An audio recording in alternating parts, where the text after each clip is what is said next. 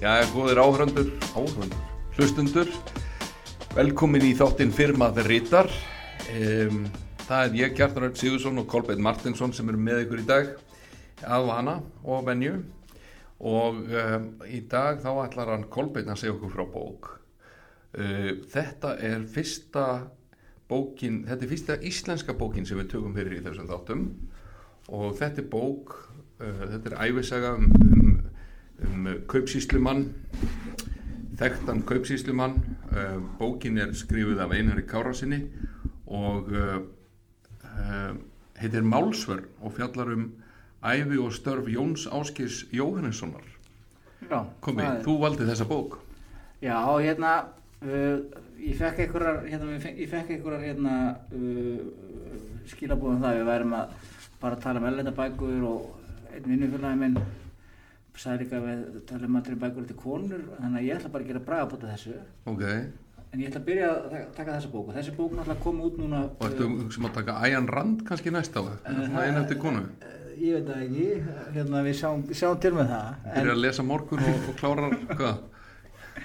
Já, við erum báði vinnandi menn og, en sko, þessi bók kom út núna þessu ári og hérna þú veist uh, sjálfur finnst mér og það búið að vera bara undanfæri 20 ár, þá finnst mér skemmtilegstu bækur sem ég lesið, það eru velskrifaðar æfisugur hjá svona svo fólki sem er náð mjög langt Já, mjög gaman að þeim. og hérna margar mínum uppáðars bókum eru veist, það eru margar sem maður getur nefnt bara strax My Virginity eftir Richard Branson Mm Shoe Dog Phil Knight með Nike -hmm. 48, nei, e, e, e, hvað heit hún 8 eða 11 Rings hérna eftir Phil Jackson eða ekki sem var hjá hérna þjálfara Mhm, frábær bók Ég og, nei, og hérna og, og hérna uh, Geiger hjá, hérna, hjá Disney Já, Howard, já, hún var gegn. Er. Erum við ekki búin að taka það bók nei, fyrir? nei, nei, báður búin að lesa hana Já, ok. En hérna, áður en lengra er haldið, þá ætlum ég líka að minna hérna hlustendur eða áhörendur eða, nei bara hlustendur, á það að við erum með þessa Facebook-grúpu og hún er svona kannski hugsuð að því að þetta er nú ekki uh, tilgangur þessar hlaðvarps er ekki að uh, vera í topp 10 á Íslandi. Við viljum tala við mjög lítinn og skemmtilegan áhugaverðan hóp, fólk sem að við erum reyna að framleiða þetta hlaðvarp fyrir fólk eins og okkur. Já, og svo kannski bara líka fyrir okkur til þess að veita sjálfum okkur aðhald. mikil ósköp, en þannig að ég bara hvet alla alltaf gangi hérna hóp og þú veist og þannig er ekkert eitthvað virkur eða neitt stygt en það væri bara gaman að hérna við segjum svolítið frá bókunum og þú veist að þið viljið ræða bækur eða koma ábyrtingar eða örgulega leiðir þetta okkur, við erum alveg ofta að fara með einhverju börlaða vittleysu hérna þá, þá er það bara gaman. Og þetta er veist, þetta er Facebook-grúpa og við hleypum öllum inn þannig að hérna, hún er lokuð en þú veist bara, ef þú ert ekki búin að fá að gera það þá, komdu þá þangað inn og þá getur við fyrst með hérna ef við förum í frí og svona þá segjum við frá því þar. Já, firmaður rítar. firma reytar en sem sagt bókin eins og nafni björn með sér málsvörn. Og uh, ég sagði á hann ég talaði á hann um æfusugur og, og gleði mín er að lesa æfusugur Mm þetta er sann- þannig séð ekki beint æfisaga þú veist uh, hún er málsvörn og sn- hverfist þú mikið um uh, ákveðna hluti og ákveðna þætti í lífi Jóns Áskis Jóhannssonar -hmm. sem að við getum alls svona við þekkjum alveg en hérna hún er skrifuð, hún er sett upp í stuttakabla Mm. sem eru þú veist bara eh, bónus, hagkaup, aðtræðindana baugi strigakæfturinn Philip Green Jón Gerald Söllenberger fórsættisráð þeirra útrásin til London samtölu líkil fólk baugsmálið sláttivélinn, hérna koma rosa baugur yfir Íslandi. Hérna koma óbúslega mikið af svona kunnulegum nöfnum og heitum sem að maður var kannski svolítið búið að gleyma. Mm þú veist, mér langar kannski ekkert mikið að kannski að, hérna, ekkert að óbúslega mikið að hérna að eða miklum tíma í svona hluti sem við, við erum kannski búin að fóra nóg af skiljum við, þú veist, sem er búin að vera hérna, við erum búin að hafa yfir okkur undanfæri 13-14 ár. En þessi bók líka skrifið af einum Já. Einari Kárasinni sem hefur náttúrulega skrifað margar frábæra bækur Mhm. kannski byrja að nefna uh, eigubækurnar sem eru bara þú veist einhverja bestu bækur sem hafa verið skrifaðar svona eftir strísárun á Íslandi djöf, þessum djöflæjar í skuldlegan og fyrirreifna landið minnum með hann hitti svo síðasta. Uh, hann hefur líka gefið út frábæra bækur uh, Passísálmana uh, Stormfugla. Svo skrifaði hann mjög svipaða bók Um Snorra Sturluson. Já, sko, þarna bækurnar sem hann skrifaði um, hérna, um óvinnafagnað og stjórningarsögu Einmitt. þær eru frábærar. Ég nefnd- frá gott og nefndi þær, þær eru algjörlega stórkostlegar þær eru allar skrifaðar í fyrstu personu Mm þú veist, þetta er svo stórkostlegt En þessi bók eftir um Jón, er hún fyrst já, já, nei, já, já og nei sko en hann skrifa líka alveg aðra bók um annan mann, Jón Ólafsson hann skrifa líka Já. æfisögu Jóns er las hana, Jónsbók. já. Og það er ágætt, þess þær mætast þarna þessar bækur, því Jón Ásker kaupi síðan allar eigu Jóns Ólafssonar á öðrum tímapunkti mástu, Já. sem ég kem að á eftir en ég held að business modelið að þeim báðum bókum ég held ég að heyrta að, þú veist, er þetta ekki einhvern veginn útgefið en Jón Ásker stendur upp eitthvað kostnað af útgáfunni þykist ég vita mm.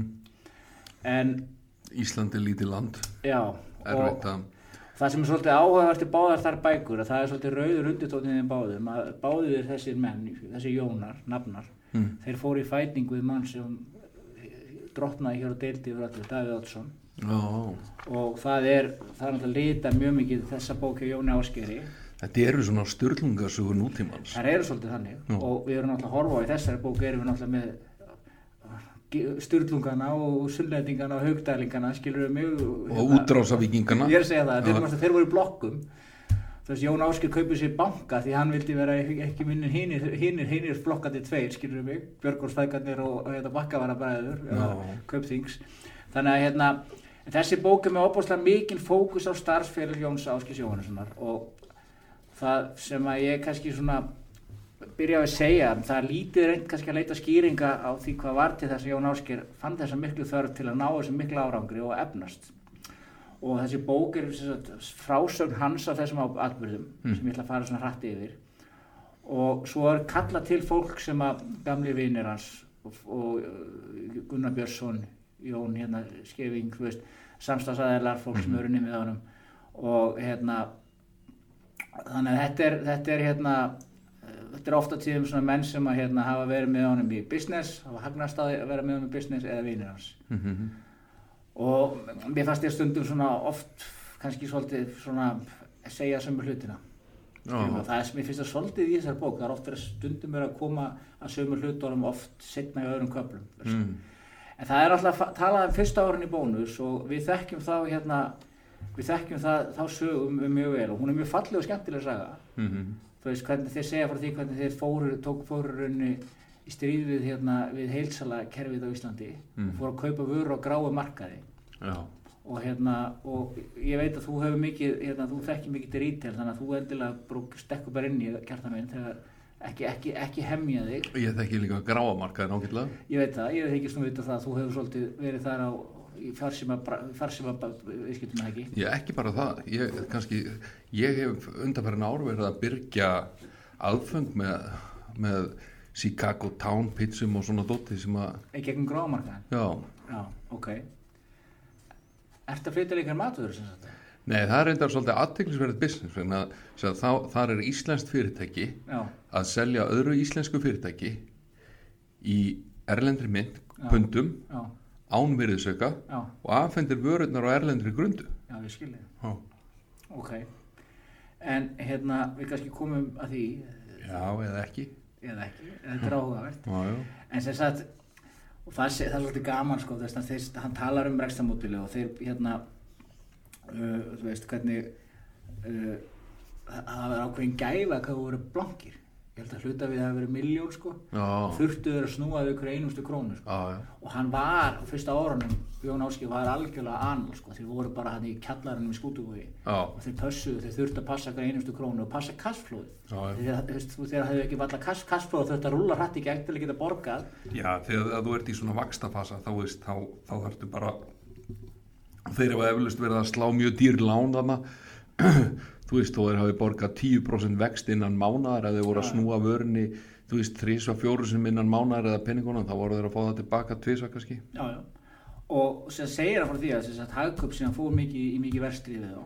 Mm og svona hvernig lýsir þessum kúltúr sko, hann er ekkert mann að keira heim sitt Já, 92, 92 sko. Já, þá sér hann að það er öll ljós kveikt í ha- hagköp út á eðistorki já, þá kíkir hann leggur hann bílnum og læðist þarna og sér að þeir eru að fullu að hækka verðin þá náttúrulega mástu verðin voru með límið honum mástu með bílnum ég þykist, nokkuð vissum það hann sá að þeir voru að hækka, lækka verðin segir. Lækkaði Það var Jón Áski gerði bara eitt, hann fór bara aftur í skúta og þeim að lækka líka, það var aftur að lækka, þannig að þeir hagðu upp lækka daginn eftir þá voru þeir ekki þess að lægri sko. Þetta er náttúrulega skemmtileg að segja frá en, en síðan tilurð sem sagt hérna tilurð uh, tilurð stofnum bónusar er náttúrulega líka mjög áhugaverð vegna þess að hérna að, að pappa segir hérna rekin frá SS Já, og hann hefði mikið verið þar hérna, Jón Ásgeir. Jón, Ásker hefði verið á pappa sinum mhm, og það kemur svolítið svona sagt frá því að hann býr hérna í Kópavóinum, flyttur Reykjavíkur, svo flyttur það á Seltanesi Mhm. og hann er mjög feiminn og, og það er svona, hann segir sjálfur frá að við sem á mikið reyðust að læta heimilinu. mhm, Æskuvinnur hann segir segja hann að stundum kom pappas heim í leigubílum og var gangandi í hús blindfullur sko. Og var já. skandalisir hann út á nesinu sko já, og hérna og, og hann segir mjög snemma frá því hefum oft talað um þessi frumkvöla element og hann var klárlega með það hann fór sjálfur og opnaði var með svona hérna, leiktæki svo eitthvað fólk að borga fyrir börni sín í, í bestunarmiðstöðum svona ringekjur og já, og og og voru að abba og svona. Og hann fór síðan setna til Þýskalands og kefti fullan gáma þessu sko. Já, og var ok, síðan bara með var síðan að keira bíli sem er sko fleiri hundru kílóa klingi og Mm. fara með það í bankan mhm, en hérna hann sem sagt, já, hættir fessinni framhalskóla og, og, og Hann var í Vestló, hann var aðeins undan mér í Vestló. Já, hann byrjaði í MH, hætti strax þar Já, og fór alltaf að fara að læra kjötiðin mhm, hann kom svo inn í Vestló og kynnist þar basmöðu sinni. Hann er fættur 68 allir öruglega mhm, og meðan hann er í Vestló þá, til dæmis, þá skilur Jói við móður hans í fyrirskiptið já, ok. Með fyrir að vera með yngri konu og, og hérna og kallin sem styrir ekki frá SS og þú veist, það er voða sorglegt og leðilegt í bókinu en ég manna maður kannski, kannski svona, getur kannski lesið eitthvað er milli línuna, kannski var það bara drikja á vesen, skilja á kallinu, ég veit, maður veit það ekki. Já, en mér finnst þarna fara rosalega stórt tækifæri til þess að segja áhugaverða sög já, þú veist, ég kannski kem svolítið að því eftir en Mhm. það er einhver ástæð fyrir því að þú hefur þess að þörf fyrir að sanna þig þú, og þú þarfur að ná svona langt. Skilur hvað ég við? Mm, að þú þurfir að, hérna, þú þurfir að eiga rauninni allt rítil á Íslandi. Mm, þú þurfir að vera orðin sko, mjög umsvæmikill í bæði Breitlandi mm, þú reynir fyrir þér í Bandaríkjónum tapa peningum, reynir fyrir þér í Skandinavíu. Mm, fer svo í sko sturglaða fjölmiðla útrás og tapar ævintralegum peningum með leiðtú og sósjalista á Íslandi. Hérna, þetta fyrir við allt yfir sko. Mhm, en það er einhverju kraftar þarna mm. sem að hérna, sem að hérna Og þú vilt meira að, sko, að, að, þetta, þetta óreglu heimili og svona kannski hafi stuðla að því að já ég meina hann segir fyrir því að pappars var mjög blankur þarna á þessum tíma. Já, hann hafði farið í útrás með vinu sínum Björgólu Guðmusinni þar sem þeir ætluðu að opna áfengismeðferðastöð í Danmörku.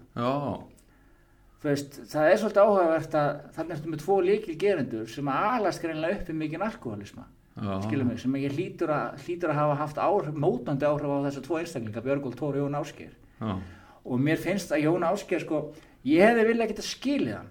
Skilur mig, já, finnst þér þú ekki að hafa alveg náða að skilja ég ætla ekki að koma kannski með enda dóma, ég er kannski farin að segja alltaf mikið Já. ég finnst þetta að hlusta því þetta er mjög áhugaverð saga. Ok. en ég vil kannski, kannski tökum þetta að tala á eftir. Áður fyrir- að hérna, dæma bókina Nei, nema bara svo spendur Já, já, við þakkaði fyrir það. En sem sagt, síðan er þetta mikla stríðið hagkaup og, og, og, og úrverður að, að það eru menn tengdir, hérna, það eru menn tengdir þeim sem fara ámálka það að, að, hérna, að, að uh, hagkaupmenn og bónus fara að vinna saman.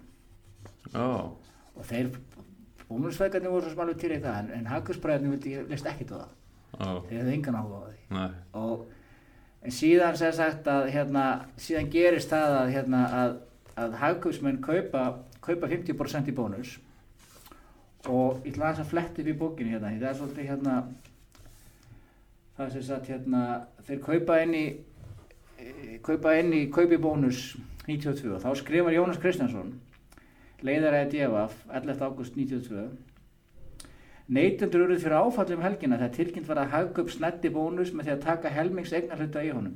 Þar með eru yfir 30% íslenska matverumarkaðins komin á heina hendi. Slíkt var það við samkefnislög í flestum nákvæmlandum. Sérðu það? Þú veist, þegar maður hugsa út í það hvernig sko bara staðan var síðan setna, skilur mig, mm eins og þessi samrunni með bónus. Mhm. Því hvað gerist síðan? Að, hérna- Mér er reynda það sem gimmir óvart að talan að samina félag er Það þó er ekki- nema 30% Já, hef, hef ekki held að vera miklu meira. Jú, En þetta var alltaf vanta, þetta var bónus bara pín lítið já, já, en líka þú veist þarna er bara nóatún örgulega með veslan út um allt land og, Já. Og hérna og Mikligarður mannst eftir Já, honum já. sem var inn í Holtagörðu já, já, hann hann gaf fljótlega upp öndina hérna, sagt, og grundarkjör krón náttúrulega. Varstu eftir þessu? já, ég man eftir krón búðanum Já, og síðan er talað svolítið um það að á þessum tíma þá var þarna fyrsta ríkistjórn Davíðs Oddssonar. Já, og það var hérna töluvöru svona núningur milli sjálfstæðarflokks og alþjóðflokks um landbúðamál þú mannst eftir þessu að þá fór bónusaflitin smjör og sem þurfti svo að henda. Kalkunalæri, ég man vel eftir þessu. Já, ok, og þetta var náttúrulega allt gert í hérna svolítið svona í hérna svona þess að fá aðtekli, ég ætla ekki að segja svona PR-stönd því að ég, ég kann ekki við það orð. Nei. En þetta var gert svolítið til þess að vekja aðtekla því að þeir voru sækjað mjög mikið að geta flutt meir inn aðlendu vörum já, og selt. Mhm, en hérna uh, þessu var oft bara oft á tíðum fargað mig og þetta var gert bara til þess að be- benda á það svona, tala fyrir hérna, tala fyrir hérna tolla lækkunum já. Mhm, síðan gerist það að, að þetta, þetta hérna að uh, þeir fara sagt í þetta samstarf með með hérna baug. Já, og hvað er inn í það það náðu alltaf gríðalega hagræðingu með kaupin saman. Bónus og hag, með já, og hérna og þarna var alltaf gríðalega kultúrmunur, þú ert að tala um sko síni Pálma í hagkaup. Mhm, mjög flotta businessmenn í dag Sigur Gísla og hérna Jón. Jón, Pálma. Já. Og sýstur þeirra náttúrulega. Og hérna voru Ingibjörg og, og Lilja bæði báðar inn í þessu já það var alltaf það var þannig sko að hérna að að uh, þegar Jón fer að stinga þeir farið eitthvað ferðalag sko. Já, og það er svolítið fyndið sko þeir flytja einn Sigur Gísli að bannabróðurinn flyttur inn einhvern ameríska fyrirlestara og Jói gamli sagði að þetta væri mesta sóun af peningum Jói bónus, þetta væri bara dýr heila þvottur og hérna svo fóru þeir eitthvað svona hópauplisferðir eða eitthvað slikt og, og þeim fannst þetta svolítið svona hérna, hérna fannst mikið bröðla fannst þetta ekki góð meðfæra peningum. Nei, svona extravagans já, já, og en sem sagt séðan fyrir Jón þarna að stinga saman nefi menn er skil hafa basmaður sína. Ja, og fyrir að stinga saman nefi við Ingibjörgu sem hann er giftur í dag. Mhm, og þá fara bræðin svolítið í baklás. Þá heldur verið að sýsturnar væri þetta var svona fjölskyldu drama að verða sko. og síðan verður það úr að 98 að, að, hérna, að, að Jón og Jói kaupa bræðinar út og eignast hagkaup að fullu. En býtu, er þetta, ég, ertu vissum að þessi réttir hröð? Eru Jón, Ingibjörg og Jón Ásker, byrjað þau ekki saman eftir að föðgarnir kaupa bræðuna út? Næ, ég, veist, það, ég, það er eitthvað stæðis Já, já, það skiptir ekki öllum það máli. skiptir ekki öllu máli sko. Veist, það er allavega í þessu prósess, hann segir allavega það það, það, hann, þeir, það var þetta þeim tíma, það var hérna þetta var ekki alveg að- þetta var ekki hérna smooth sailing skilur þetta er í leiknahald og hérna og þá sem sagt gerist það að, að þeir ráða þá Finn Átnarsson yfir nýkaup Mm manstu þeir voru með hagkaup, nýkaup og bónus? Já, já, þetta var svona þetta hérna erlenda mótel að með þrjár, þrjú leigir á ke- keðjunum sko.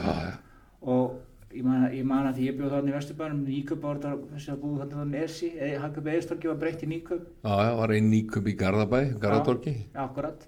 Í hérna fín, bláu útkörunum Já, einmitt, sett tóka. Síðan reyðu þeir Guðmund Martinsson til bónus og ég meina þetta voru heldur, ég verður bara að segja það þetta voru nokkuð góða ráðningar, ég meina Finnur Átnarsson fór frá bónus í fyrra það ekki Fór frá haugum í fyrra. Fyrir og- segja, höfum, já, og Guðmundur Martins líka var, kom svo aftur það ekki Jú, þannig að þú veist, þetta er þetta er hérna, í þess vegna vildi ég nefna það bara, mér finnst aðeins að pæli því þetta er, Já. þeir eru búin að vera þarna 20, 20 á hátt á þriðja áratug já. Eh, Uh, áhugavert og skuli minnast á þetta vegna þess að ég var einmitt að klára áðan minn fyrsta stjórnafund í stjórn Ormsson og nýr stjórnaformaði félagsins er einmitt Finnur Átnarsson. já, til hann mikið Þakka fyrir. sem er lífið skemmtilega Já, en þarna er alltaf fyrsta skuldsetta yfirteka já, þetta er fyrsta skuldsetta yfirtekan. þeir áttu ekki pening að líka upp Nei, og var það þarna sem að neistin kviknaði já, þú meina, ef við veltum þessu fyrir okkur ég veit ekki, Nei. útskýruðu neistan. uh, að því að sá sem lánaði þeim var fjárfæstingabanki aðurlýsis Já, fjárfæstingabanki aðurlýsis var sama settur úr allskins ofnbjörn sjóðum. Þannig Bjarni Ármannsson fórstjóri. og hérna og, og þarna inni voru hérna maður ekki reyðar máru eitthvað sem byrjuð þeir ekki að inni en allavega þetta voru, ein, e, e, hérna, þetta voru sem sagt hérna, fullt af yðlana sjóður og allski sjóður sem voru með markaða tekjur mm -hmm. sköttum og, þeir sem sagt þetta var eitt af þessum engavæðingar áformum Davís Ottssonar og, þetta átti sem sagt að selja og sagan segir að Hagupsbræður Sigurður Jón mm. á svona Kára Stefánsinni mm -hmm. sem þá var orðin sterk efnaða maður með íslenska erðagreiningu mm. að vilji stjórnmálta var að þeir hefði átt að fá að kaupa FBA Eftir þetta? Já, þarna, þetta var, já, sem sagt Já, það er FBA er selt þarna stutt sinna og hérna og eignast í raun og veru þetta uh, lánið eða hvað? Nei, sem sagt, þeir kaupa, ég held að þetta sé sko, þetta stundum ekki alveg á þessari bók sko og maður þarf svolítið að muna þetta en hérna ég heldur að það fengi lánið áður Já. áður en bankinu saldur en sem sagt, Hreyðar Már setur sig hann saman hennar orkahóp Já. sem ég vor hérna Már Já. Jón Ólásson Jón Ásker og hérna og hérna fengur líka Óskar Magnússon? Nei. Nei, nei, nei, nei, nei. Hann, var, hann er hérna, ég gef honum aðeins betri gauðum eftir. Hérna þeir fengu Egil Svinsson Já. og það var hann hefði þá verið nýhættur sem aðstofum að Davíð Sottsonar Nú. Já, mannst ekki svo fenguðu líka Hrein Loftsson sem var líka fyrir aðstofum að Davíð Sottsonar að það var vins eitthvað svona áttu að vera að búið til eitthvað gott veður sko. Já. en þarna verður raunni bara gott veður við fósættisáður Já, já, en það sem satt gerist þarna náttúrulega bara að veist, það verður allt brjála sko. Og hérna síðan hérna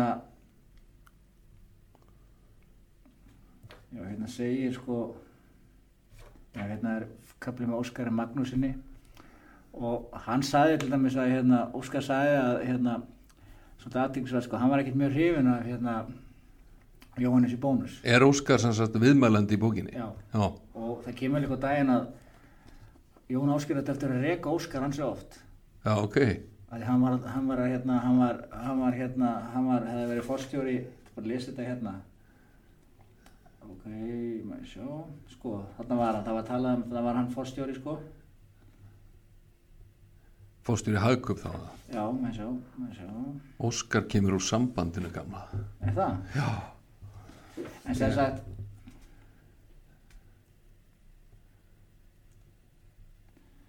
hérna og hann var hérna, já, það var að tala um í þessari stöðu svona ár, en það var rúmlega eitt og hálft eða frá júni 98 eða árum Hvað er það hagköp? Jó, Óskar, já, já.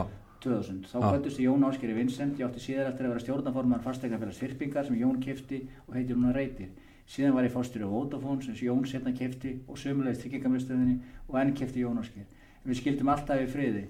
Okkur var báðum ljóst að hæfilegar okkar fór ekki saman. Ég var alltaf ráðreikur Jón veldi menn sem hlýttu honum skiliðislaust og Jón vil vera rausnalegur og skilja mjúglega hann tala með pinningum því að kvatti tryggingamiðstöðinu sagði hann og viltu ekki svo ekki fá bílinn eins og vennilega þennan sem hann var búin að kaupa með tvísvar eða þrísvar áður.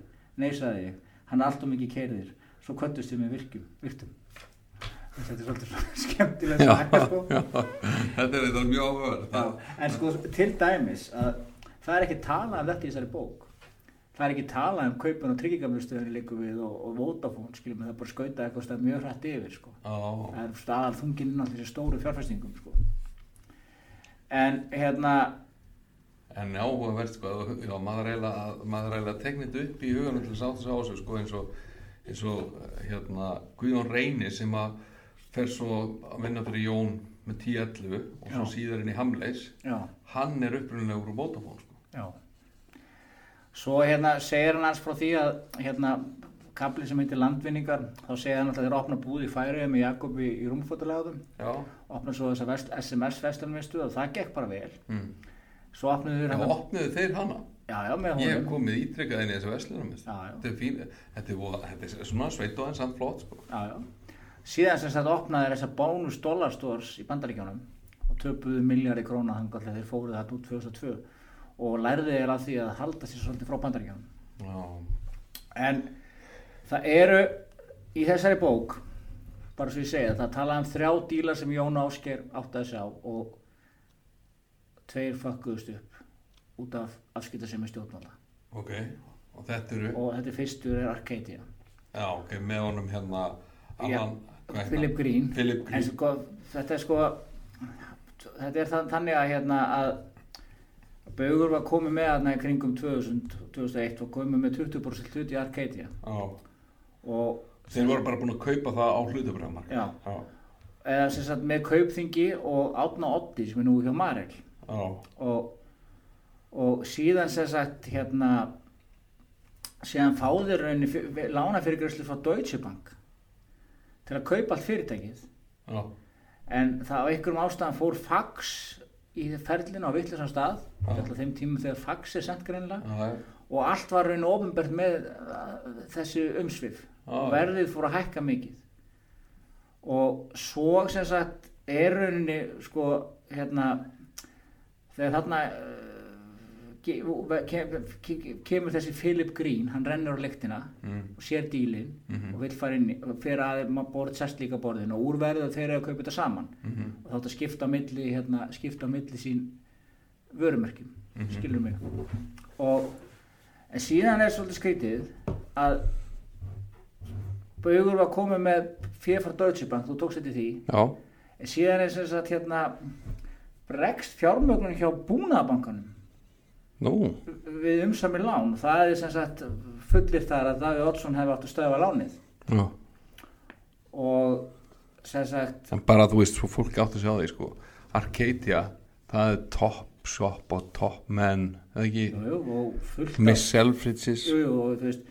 Þetta er fullt og, og hérna þetta var sem sagt þannig að, að hérna Baugur átt að fá fá ákveði vörumerki. Mhm, en síðan rauninni bara daginn áður en að þátt að fara að skrifa undir pappirana þá hefst rannsók þá hefst þá sagt farið inn í Baug já. Og þá sem sagt fara kaupinu uppnáma sögn Jóns Áskers mm, og Philip Green getur sveik sem sagt sveik þó þau þeir áttu að fá þá að kaupa topmann, Mhm. topshop. Mhm, og hann tók í hendina á konunni þegar hann sagðist aldrei myndi svíkja konu en sveik hana samt segja Jón Ásker mm, og hann efnaðist þannig hann Philip Green að hann borgaði sér ein- 1,2 miljard punta nokkrum árum setna arð út úr Arcadia. Já, ok. Arðaði 200 miljónir, eða 1,2 miljard punta cirka bara 200 miljard íslenska króna. Það er svakalegt. Já, ég heldur reyndar eitthvað sem merkir sem farið á hausin í dag sko. Ég geti verið sko en hérna, en Jón Ásker þeir grættu æfinn til að laga sem 20% mm, þeir, þeir áttu þessi 20% og þeir greittu vel á því. Þeir grættu rosalega vel að því að þeir fengu ekki allt fyrirtækið. Skilur mig? Nei, nei. Og hérna veist, það er alveg það er alveg ég er nú hérna að lesa hérna Topshop, Asos er búið að kaupa það Top Man, Asos búið að kaupa það Burton, Boohoo búið að kaupa það já, Miss Selfridge, Asos búið að kaupa það. Þetta er allt komið í hendunar á einhverjum á einhverjum online retailerum já hérna, síðan er kapli um Jón Gerald uh, og Fossættis á þeirra ég bara, sorry, ég bara nenni ekki fara við það erum við ekki búin að tala um þetta þú veist, ég, ég, ég sko, ef það er einhver sem er að hlusta á þetta podcast árið 2031 þá bentum við maður að eh, skíkja í hérna frétti frá þessum tíma. Já, eða rannsókn, já, nei, ég meina þú veist, þetta er bauksmála þetta ég bara, ég nenni ekki að tala um Jón. Gerald nei, og hérna og þess, mér langar svolítið líka bara að, að fara svolítið yfir hérna, þessa málsvörn og síðan koma önnur, önnur, önnur stór, annar stóri dýlin og það er kaup sem að fer í eftir, eftir þetta Arcadia byggs allt saman. Mm -hmm. þá var náttúrulega baugur stútfullra peningum mm, samstefan já. Út af þessum 20% já, og hérna hann var í sárum kallinn. Að hafa ekki náða að klára allt. Já, já, já, og þú veist það er alveg, hefði mögulega ef eða ekki, sko, maður veit ekki. Mhm, þú veist, hefði hann kannski það kannski fyrir allt öðru þessu, ég veit það ekki. Mhm, hann er kannski bara átt ennþá meira eigur þegar allt fór í hakkar í, pakkar í þetta 2008 mhm, en hann segir þarna og það sem mér finnst svolítið afteklisvert sko, þegar ég er að skoða þetta að, að þú veist uh, auðvitað var fullt af hérna langsfjöð en ég saknaði svolítið sko fjárfæstíkastefnu þú veist, hérna já, hver er stefnan? Hver er hann- hvernig fyrirtæki er hann að fara inn í? Hann er maður sem Mhm. byggir upp sko hérna matvöru, matvöru supermarkað á Íslandi, Mhm. skiljum við hérna kaupir síðan mjög mikið af fyrirtækjum vestunum fyrirtækjum á Íslandi mhm, fer svo út. Uh, þarna fara þeir inn í Bigfoot sem, sagt, og, og Booker, sem er Æsland. Já, og Booker, Booker heilsalan og Æsland búðunar Já. og hérna og það eru am- sem, sem ég segi bókinni bestu kaup sem hefur gerð. Bara eitt bestu dýl sem hefur gerð. Mm. og hérna þetta er sem sagt 2003 og ég ætla bara aðeins að stinga niður fæti hérna í Ég ætla að segja þér bara rétt innskot að ég bjó í þetta í Englandi á þessum tíma og ég veit nú ekki okkur að segja auðvitað eins og það sé eitthvað sjálfgeð og þú búin að segja nokkur sem ég þá Já, en sem sagt þannig að maður sá þetta maður, maður sá þetta í blöðanum úti. Og, og, og ég er ekki að íkja að þessar fréttir um Arcadia Group og svo aftur með Æsland Æsland bæs Æsland þetta eru forsíðu fréttir á blöðunum já, já. dag eftir dag, viku eftir viku. Mm og og þú veist hérna, umræðunum að Íslendingar var að kaupa upp annarkvært hérna, annarkvært búð á hæstrítin í Brellandi já, já. það var bara mjög mikið hérna, mikið, mikið talað um það sko Já. En Gunnar Sigursson segir hérna í bókinni að kaupin á Bigfoot Group sé einhver bestu viðskipti sem gerð hafa verið. Jón Ásker og Jón Skeving hafi verið búin að greina alla möguleika fyrirtækisins í þaula. Þarna var mikið búða á fastegnarsafn bæði hjá Æsland og Búkar. Jafnframt mjög margt í ólægi.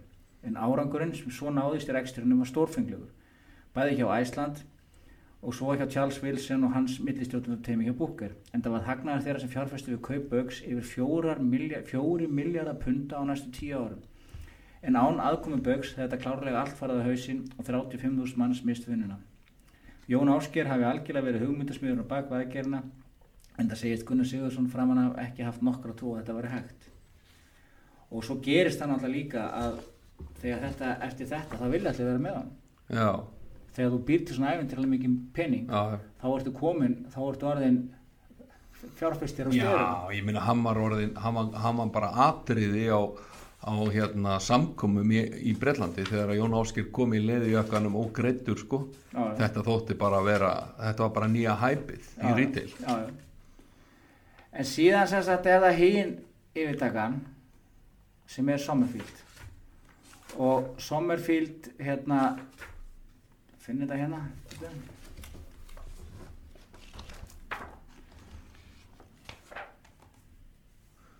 Summerfield Ég skal segja þér frá Englandi að það sem ég bjó rétt í norður, no- norður á London í litlum bæ sem heitir, eða ekki lítill, hann og örgulega 200 massas, heitir St. Albans, þar var ekkert Summerfield.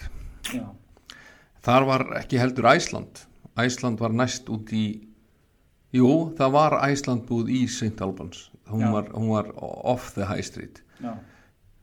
En hérna, Summerfield var ekki þarna. Ég er nú að velta Já. fyrir mig hvort það er... En hún rak sem sagt Sommerfield rak litlar og meðalstóra kjörbúður um allt Breitland Já, já, og Ármann Þorvaldsson segir í bóki sinni að eina þreim bestu, bestu sem sagt hérna yfirtakan uh, hafi verið kaupin á Sommerfield mhm, og hérna þannig að hann segir þarna sko sem sagt að þessum tíma þá var hann byrjaður að þá fór hann inn á fjárfesti fyrir lítinn hlut mhm. til að kynnast fyrirtækjum og jú. kynna stjórnartíman svo ef menn sáu hérna sá þetta var hérna eitthvað að gera sig þá fóru menn inn að meiri þunga og sem sagt þetta var allt miklu starra en, en, en hérna, Bigfoot Group sem hann hefði verið í og hann fór að vinna þetta sem með Robert Tengvis sem Tengvis bræðumastu sem komið mikið til sögu mhm. Ármann Þorvaldsson að heiða mára unni þessum miðunum og svo voru ykkur bankamenn frá frá hérna frá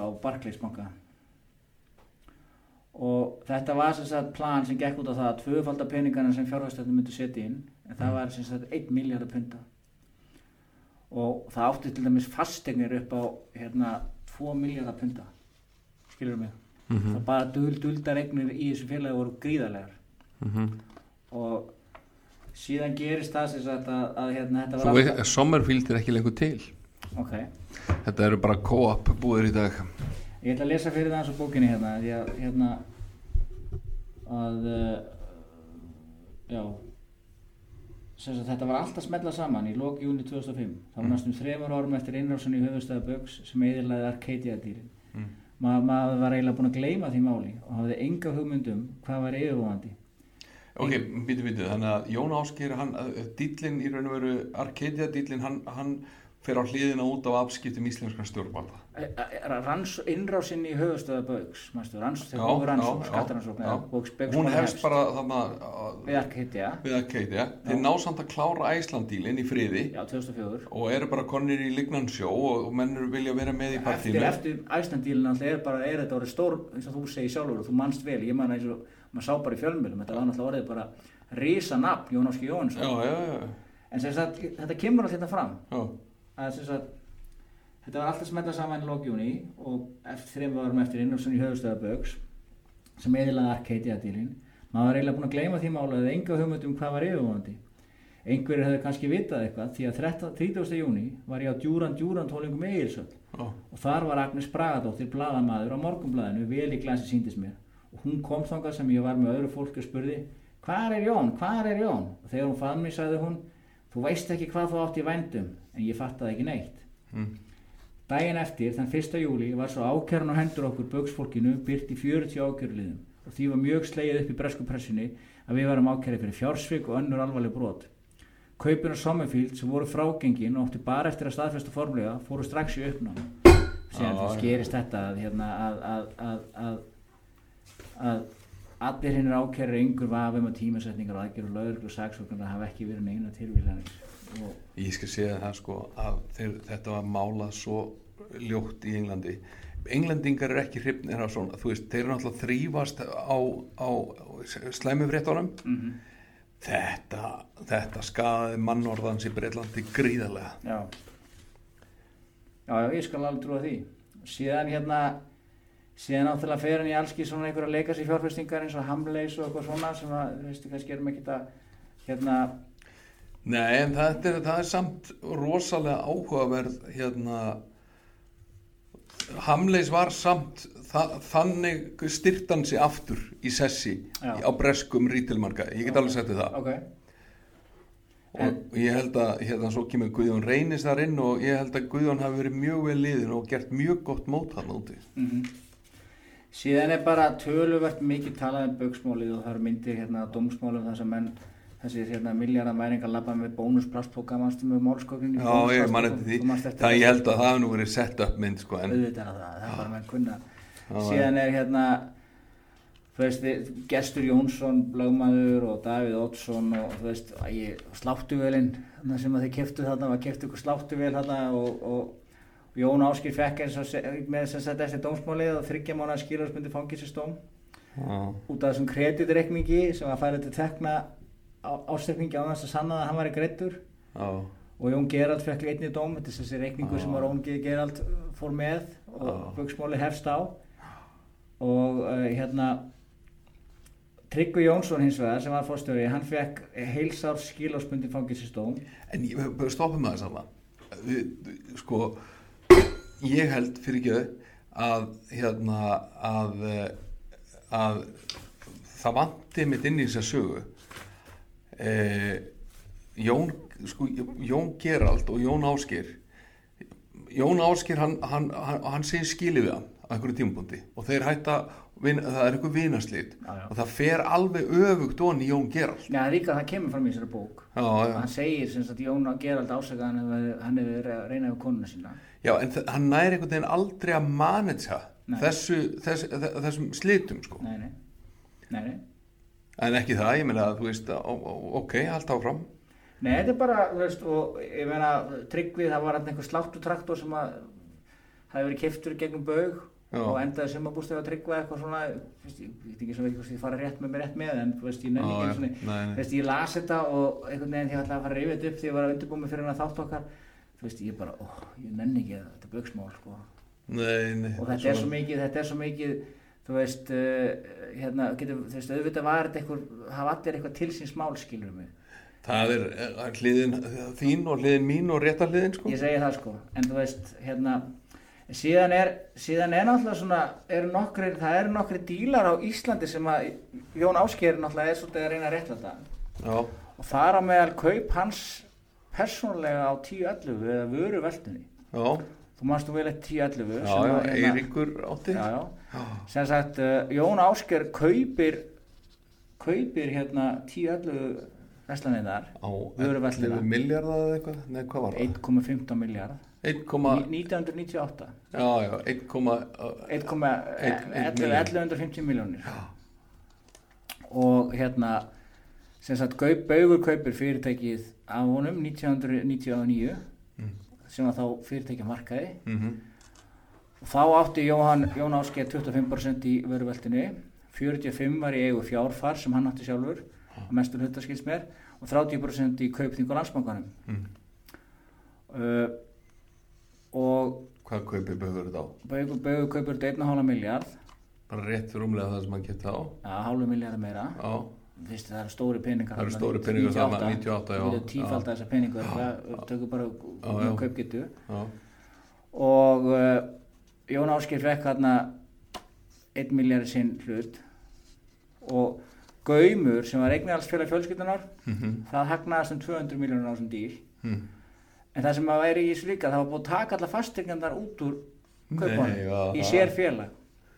Nú, og þær hefur verið seldar í sérfélag á 217 miljónir sem var selt aftur til stóða 357 miljón já, þannig að það var svona verðbólk á milli, milli, milli eiganda Já, og litla fasteignafélagi sem hefði haft þetta félag allt, það var samin að gaumi sem aftur hagnaðist um 140 miljónir já, þetta voru þá einhverjar fyrst, gaumur sem að það eignarfélag hans og pappa síns og systur hans mhm, hag- hagnaðist um þetta einhver 400 miljónir eitthvað og þannig er eitthvað verið að skýra þetta í einhverjum kap, hérna, veist, auki var að auðvitað svo að ég tók á áttuna félaginu frá því ég er ykkur seldi. Ef það hefði versnað og verið minna virði þá hefði ég setið upp með svartapétur og ég var að styrkja baug, félag sem ég átti með öðrum með því að setja 10-11 inn. Svo verður menn að hafa í huga verðið bæði þegar gaumur kefti og svo baugur byggði á verðmæti sem kaupþing gerði. Veist, það hefði aldrei gengið að ég var ákveð slíkt. Þetta er eitthvað svona mhm, svona skýring sko. Mhm, þú veist, ég hérna ég ætla ekki að tjá mig frekar á það Mm. ég læt bara hlustendum og, og þér sjálfum að, að meta það hvað hva, hva er hérna heiðarleikan í þessu öllu saman. Mhm, uh, síðan er náttúrulega bara kapli um dóm, dómin í bauksmálinu og þennan aftur þetta er svolítið endurtekning þú veist hérna endurtekning og aftur þessi belvaði kreditreikningur sem að hérna af þessum, þessum slapp, já, frá Jóni Geraldi og í Ameríku, já, hann poppar alltaf upp síðan hérna síðan hérna síðan kemur hér kapli það sem að uh, er talað um þetta sé merkileg líkindi við hafskipsmálið. Já, nú bara, ég manna ég las bók um hafskipsmáli en það er nú aðeins farið að svona fennja yfir það hjá mér. Já það er náttúrulega bara var að það, var, það hefði verið keirt í þrótt af samkeppni og það kom á daginn að hérna að, að, að hérna að, þú veist það hefði verið keirt í þrótt það átti fyrir eigum sko. Það var já. það var ekkit það var, það var ekkit hérna solvent sko það átti alveg átti hérna svo er kapli hérna um Davíð Oddsson Bög og samfélkinguna og aftur bara lífið er svo skemmtilegt hérna en geta staldra mikið við það. Og það er náttúrulega líka að tala við fullt að gerendum öðrum en, en Jón Áskeir en, en það er kannski svolítið svona ákveðin ljóður á þessari bóka það er hérna veist að tala við Hrein Loftsson Mhm. sem var hérna með honum Mhm. uh, en Er talað við Davíð Oddsson í bókinni? mei, mei, mei, Nei, þetta er það í hug ég, ég veit ekki en hérna Kaplun Jónu Beninsdóttir sem En nú- Ingibjörgur Sólrúnu, er að tala við hana? Nei. Nei. en hérna það kapli hérna Benindisdóttur og sem er nú nýláttinn og, og hérna hún alltaf var stór gerandi í þessu öllu saman mastu bauksmálunu Nei, ég man ekki alveg hjálpað mér. Ég man bara, hún er hún, var, Jóhannesar hún, og svo hún er sem sagt með hennan kreditreikning hún er með Jóni Gerald einhvern veginn að þegar þetta fer alltaf af stað já. og þá hefði slitna á sambandi hennar og Jóns Áskis Jóhannes að gamla sig Já, já. Já, hún er með Jóni Gerald í liði. Já, já. Já, já, á, á móti feðgóð svo voru tölvupóstunir hennar hakkaðir og byrtir allir í fréttablaðinu. Já, þá var þetta mjög vandræðilega póstar sem hún er að tala við Styrmi Gunnarsson og þetta var svona allt mjög rítstjóra morgumblaðsins já. en við skulum aðeins fara tilbaka vegna þess að mér langar svolítið að hérna í þessum þætti að tala svolítið um þessa sögu. Þetta veist og mér langar svolítið svona að velta svolítið þú veist öllum þessum kaupum Mhm. og sérstaklega erlendis. Og þá koma hérna umsögun í Danmörku. Og Já. það var líka, þú veist, það var rosalega, þú veist, ég bjó sjálfur í Danmarku í nokkur ár og, og þekki þær ágætlega til og þegar, þegar, þú veist, þegar Íslendingarnir keftu Magazine Nord, Já. það er svona, þú veist, það er svona krá, króndjást, kongsnýtvar. Það hlýtur að hafa verið mikið, mikið, mikið fréttaefni í Danmarku. Já, og svo keftu þess að með fylgdi líka önnur stórvæsluðun Illum og hérna, og hérna og sem sagt hann segir hann að Jón Áski sjálfur að, að hérna, ætla bara að tafa eftir honum hérna, við fórum að blandast inn í viðskipti í Danmörk á árum 2004-2005 það voru ægilegi tímar, mikið að gera ég var búinn að klára Bigfoot og var í miklum rekstri Hamleis, Æsland, Booker og svo framvegis Birgir Þór Bílveld hafði ég kynst í gegnum reksturinn á Dominus-pitsum þegar þau reyndi að opna Dominus í Danmarku en það gekk ekki. Við vorum með fínan rekstur á Íslandi. Við vorum þá búin að opna Debenhams í Svíþjóð og vorum að undirbúða það sama í Danmarku. Birgir Þór var komin í kynni við danst viðskiptalíf og hann ringdi mér og sagði Magasundu Nord eftir sölu. Fyrirtæki var ítla reykið þegar þau nýjuði gert illum á þess að eiga fyrir því og það var allt í glessu. Ég hafði eins og áður sagði mjög litin tíma út á öðrum verkefnum og fór samt til Danmarkur. Uh, þú veist, fara til, við leitum til Þórða Más í fjárfæstingabakkanum ströymi, kiftum svo allt batterið á fjóra miljardar. Við náðum peningunum tilbaka á aðeins sex mánuðum og kiftum þá ströymi út skömmu síðar. Við höfum þá selt fastegnir og óþarra hluti eins og lóðir sem félagið það eignast en ekki töksa á þeim. Hérna, þú veist, þeir settu vörumerki sér frá Breitlandi þarna inn og 2006 og magasín fara að græða peninga. Hérna, það er svolítið brjálað sko. Þannig er hann með þessi rísa kaup Mm í Englandi, -hmm. Bigfoot hann á sama tíma Mm -hmm. og svo fyrir hann kaupið þetta skilum setur fólk að vinna fyrir sig Mhm. en þú veist að þetta sem ég segi með fjárfæstingastefnu Mhm. uh, þetta er svolítið mörg játn í eldinum, eða ekki? Já, en sko, hann er samt alltaf að fjárfæst í retail og eiginlega í food retail, sko, retail. en þetta, það Nei, ok, ég ætla ekki að segja það, ég meina, já, ég veit það, en, og, og, og uh, ég, ætla- ég, ég tek þetta tilbaka, þetta er ekki grocery retail, Æsland var það á búkar, en, en þarna, og uh, Arcadia var náttúrulega föt og Já. hann er í retail, hann er líka, hann er líka á alla fjölmjölu á Íslandi sko, við komum með því. Já, og hann er að fara að kaupa í Danmarku þannig líka ekki. Já, þú veist, þetta, er, þetta er svolítið sko þetta er svona það sem ég er að segja veist, að, að, svo erum við líka að fara að tala um þegar hann átti sko, fyrir að kaupa banka og flugfélag. Já, þú veist, það er þetta sem ég er að segja. Þarna, ég, ég, ég kannski þú uh, fjölmiðlar, ég, uh, sko, Sam Walton gerði þetta, já, hann, hérna, vinur okkar frá hérna Frá Walmart. já, hann átti bæjarblöðin, já, vegna þess að hann sá það var bara ódýrar að eiga þau og reyka þau með tapi heldur en að vera að setja penningan í þau Mhm. Og margan hátt held ég að Jón Áskir hafi hugsað og svipum nótum. Að þú veist e, hérna okkur, þú, þú veist það fóru á þessum tíma ég meina, hann myndi eflust ekki kaupa e, fjölmiðla eins og fréttablaði í dag að þú væri að reyka vestlun í dag, þú myndir reyna að gera eitthvað á netinu eða eitthvað, það er, það er svolítið annar hugsunáttur, en hann er raun og veru bara að, að uh, leita að hagkvæmni, stærðarhagkvæmni með því að kaupa fjölmiðlana. Mhm.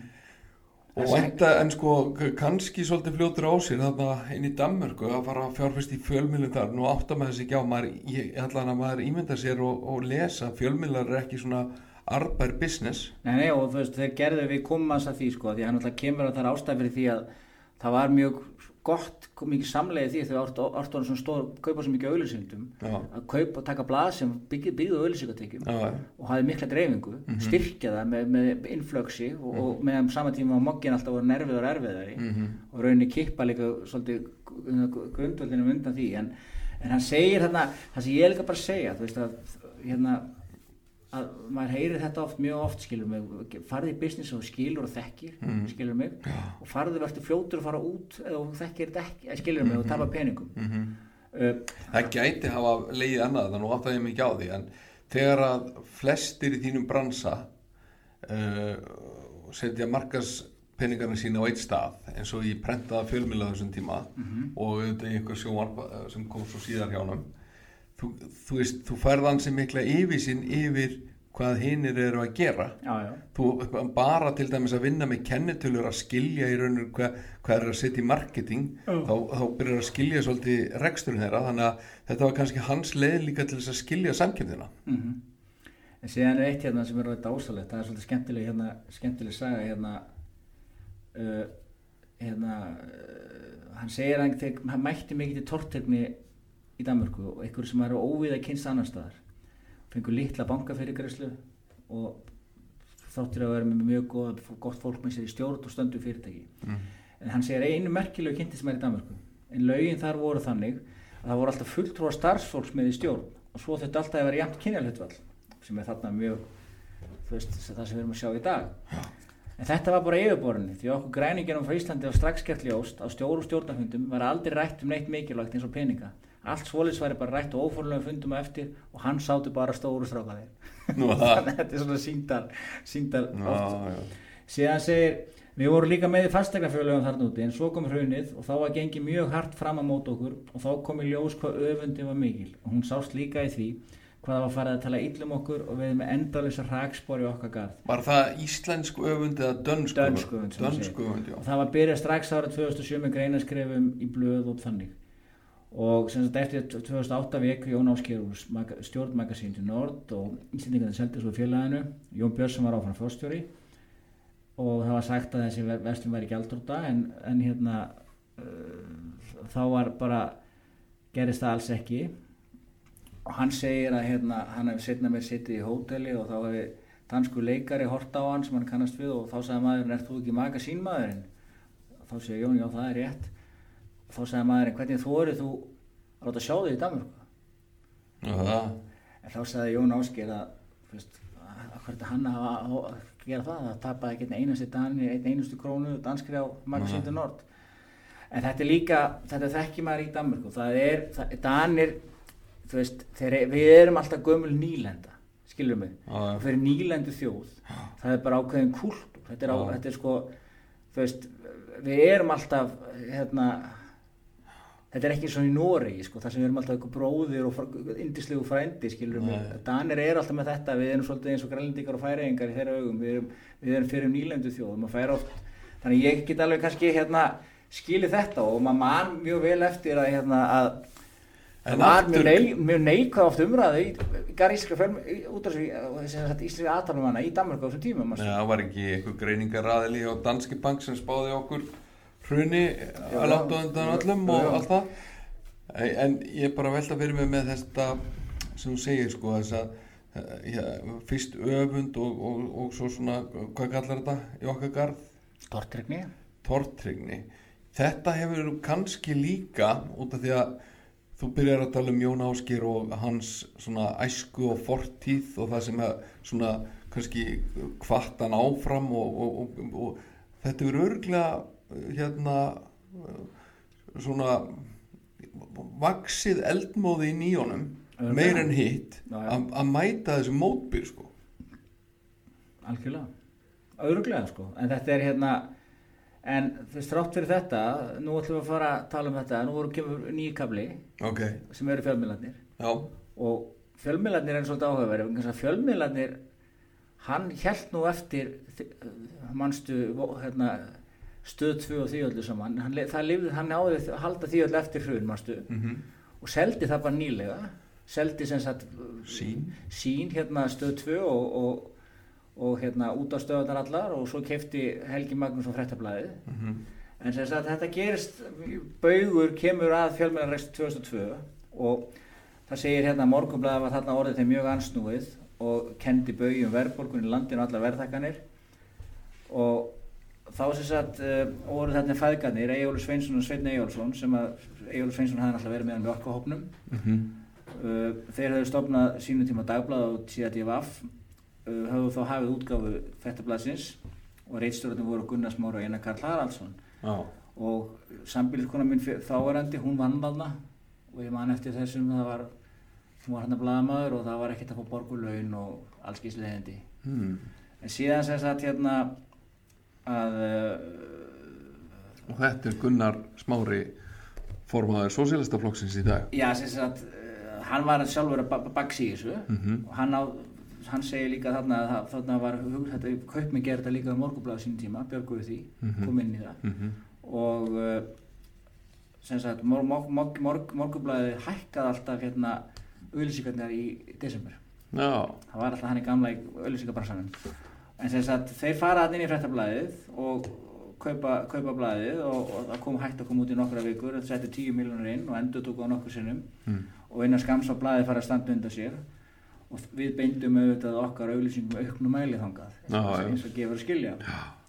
Og Átni uh, sem sagt Haugsson sem í dag var stór, stór, stór stuð í högum Mm fjárfæstir uh, hann vildi líka vera með og, og hérna þeir segja það 2002 voru þau með 40 steindök fór fljótt um 50.000 og hérna bara þetta gekk allt mjög vel. Uh, og þeir hérna uh, sem sagt þannig byrja svolítið hérna þú veist það byrja svolítið svona blokkamyndun hérna og, og, og þannig gerist það að, að, að Norðurljós, þarna var búið að stopna Norðurljós. Mm. maður stætti því að Jón Ólafsson stopnar breytir rauninni stöð 2 Norðurljós Mm Chase Manhattan lán hann mástu sem var eitt svona fyrsta ellenda stóra láni mástu sem fjármagnaði það allt saman? Ég var nú reynda búin að gleyma en, þú, ég, en ég manna þú segið það. Já, ég vann þarna hjá Norðurljósum. Já. en þarna var Jón Ólafsson komin í mjög mikið vandræði og bankandinn sóttu hart á honum og Jón Áski segir ég hafði áður unni með Jóni og var ekkert alltaf spenntur fyrir að fara út í þá ný hann hefur tilhengu til að hugsa bara um eigin hag en ekki allir séu sáttir. Og, en það var sem sagt leita til mín um að ég myndi kaupa fyrirtæki og þetta var súrealisk samningalóta ég var þá út í London að kaupa fyrstu tískuvörukjöfnar Oasis og Coast og hafði lítinn tíma til að skoða þetta. Við hittust á kvöldin, Jón vildi losna voru orðin uppgefin á þessu og meiningi var ég myndi kaupa hans hlut og semja við bankanum mjög tökur lána. Mm. úr varð, ég kefti hreinlega allt sem hann ætti á Íslandi íbúðar húsið hans líka og fleiri eignir mestar, mest, eignir Mm. mestara virði voru lóðuna sem hann átti í svo kvöldu Ardaníslandi Mm. og ég gerði það því að mér fannst mjög góð kaup Mm. ég manst eftir myndinni sem var tekin af hérna, hérna Reykjavík flugvelli þegar þeir gangur enga þóttunni Nei. þetta var fræg, fræg mynd hérna fræg mynd hérna sem sagt og eh, síðan sem sagt er, segir bætur höfundur við hérna rétt er að geta þess að það var yngangu vegna erfiðar skulda norðurljósa sem Jón Ólafsson vildi selja egni sínar á Íslandi Seinustu árin hafði hann átti mikið pólitíst andstreyma að stríða frá ráðan döflu með fórsættisráð þegar hann í faraborti og ekki síst eftir að hann fór með Jóni Áskjör og fleiri með orkuhópnum sem kefti FBA Já, og 2002 var hafinn mikil skattrannsókn gegn honum já, og Davíð Oddsson fórsættisráð þegar var ekki setna úrskurða hann hérna segan og sagði við, við tali við að hann var mesti skattsvíkari Íslands sögurar. En sem sagt hann kaupir þarna hérna kaupir þarna allt byggsið En hvaða banki var það sem að, að, hérna, var keiftur og Davíð Oddsson fórsættisráð þegar hann fór út í banku og tók út peningarna það var kápjubanka það var Já. og það var það var sko það var það var hérna fórsættisráð þegar sleit viðskiptin kápjubanka sem sagt eftir að hérna hann var tók þátt í þessu. Var, Jón Áskilur því líka? Það? segir stendur bara hér í bókinni og segir þetta. Já það var hérna uh, já bankandi vildi endilega losna þeirri snuður sem þeir voru í með norðurljós. Það var búið semja með tökur lánana og ég lánaði Jóni rétt fyrir helgi þóttuna svo hann gæti skroppið heima undir þetta viðskiptin Já, það var um þetta mikið fjölmjöla fór heima og fræg var ljósmynd á honum að kveðja landi með yfirskriftinni norðurljósin lóksin seld Eftir helgin áttu svo að ganga frá viðskiptum við bankana en þegar til þess kom var orðið miklu þingra hljóðið þeim því það var alltaf við vittlust hérna heima. Já. Davíð Oddsson var að brjálast og hamaðast á bönkunum og sagði að það kem ekki til greina að ég fengi fjölmjölareysa. Frækt var að dagana meðan á þessu stóð fór hann í búnaðabankan og tók út einhverja peninga sem hann átti þar. Í blöðum var sagt að það var í mótmælarskinni við kaupirits bankastjóruna en í bankana vissu hins vegar allir að hann var líka að láta vita að það mætti ekki láta mig eitthvað fjölmjölana. Ég man vel eftir þessu máli þegar þetta kemur, þetta koma fyrstu kaupiritinir já, Hreiðar Már og Sigur Reynarsson. Það var mjög háa tölur. Við vorum að sjá tölur, þetta er svona svipað og þegar hérna, samherja frændin seldi sem við vorum stjórnmálafræði. Þá var allir sá maður svona miljardatölur já, og það var, þetta var, var ros veist, ég man ekkit eftir þessari sög, sög, sagan allavega var aldrei annur hjá Daví Oddsson að miðminir en þetta var mótmæli við þessa oful, ofulun sko. mhm, en uh, sem sagt já og síðan bara er þetta að, að hérna uh, þú veist, hann er með þetta norðurljós allt saman og, og, og það væri mikið svona, hann sagði norðurljós þótti mikið presensbrand, það var svona mikið mjög fínt eiga það sko. Mm, og hérna og Sigur Guðjónsson var fórstjórinn svo var fyrirtæki saman að fréttablaðinu og þá stopna fyrirtæki Dagsbrún. Mm, og Gunnar Smári Egilson seldi þá Jón Áskir þá hugmynd að hann ætti að vera fórstjóri Mm. og þá var Sigur ekki sagt upp. Þetta var svolítið svona sammenning frettablaðs fólki versus norðurljósa fólki erfiðu kúltúr Mm.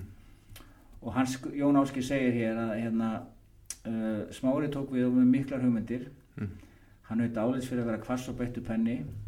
Og, og hann fór fann upp á því að flytja fyrirtæki frá niður í Skaftalíð Mm. kostnaður flutningarna fór markvall fram úr áallun og síðan var eitthvað ennþá upp í Línkálsi og ekki tagraði í þessu og hérna Pál Magnús var mjög óhress og það enda með því að hann hættir og það var ákveð að búa til þessa furðulegustu fréttastöð INN, ekki CNN mannstu. Nei, ekki INN, NFS já, Já, NFS. NFS nýja fréttastöðun, það var ekkert að gerast á Íslandi Nei, það var eitthvað fréttastöð 24 tíma með fólk á launum Já.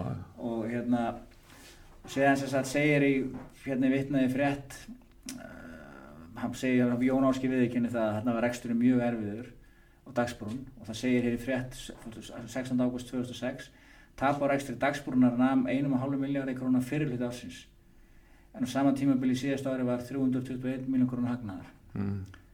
á öðrum ásfjörðingi var tapið 1327 miljónir samanborið við 120 miljón- 122 miljón krónar hagnað á sama tímabili fyrra þetta er búið að tífalda sko, 11 falda hagnaðin niður á við sko. tífaldar hagnaðin sko, við tapið Já. og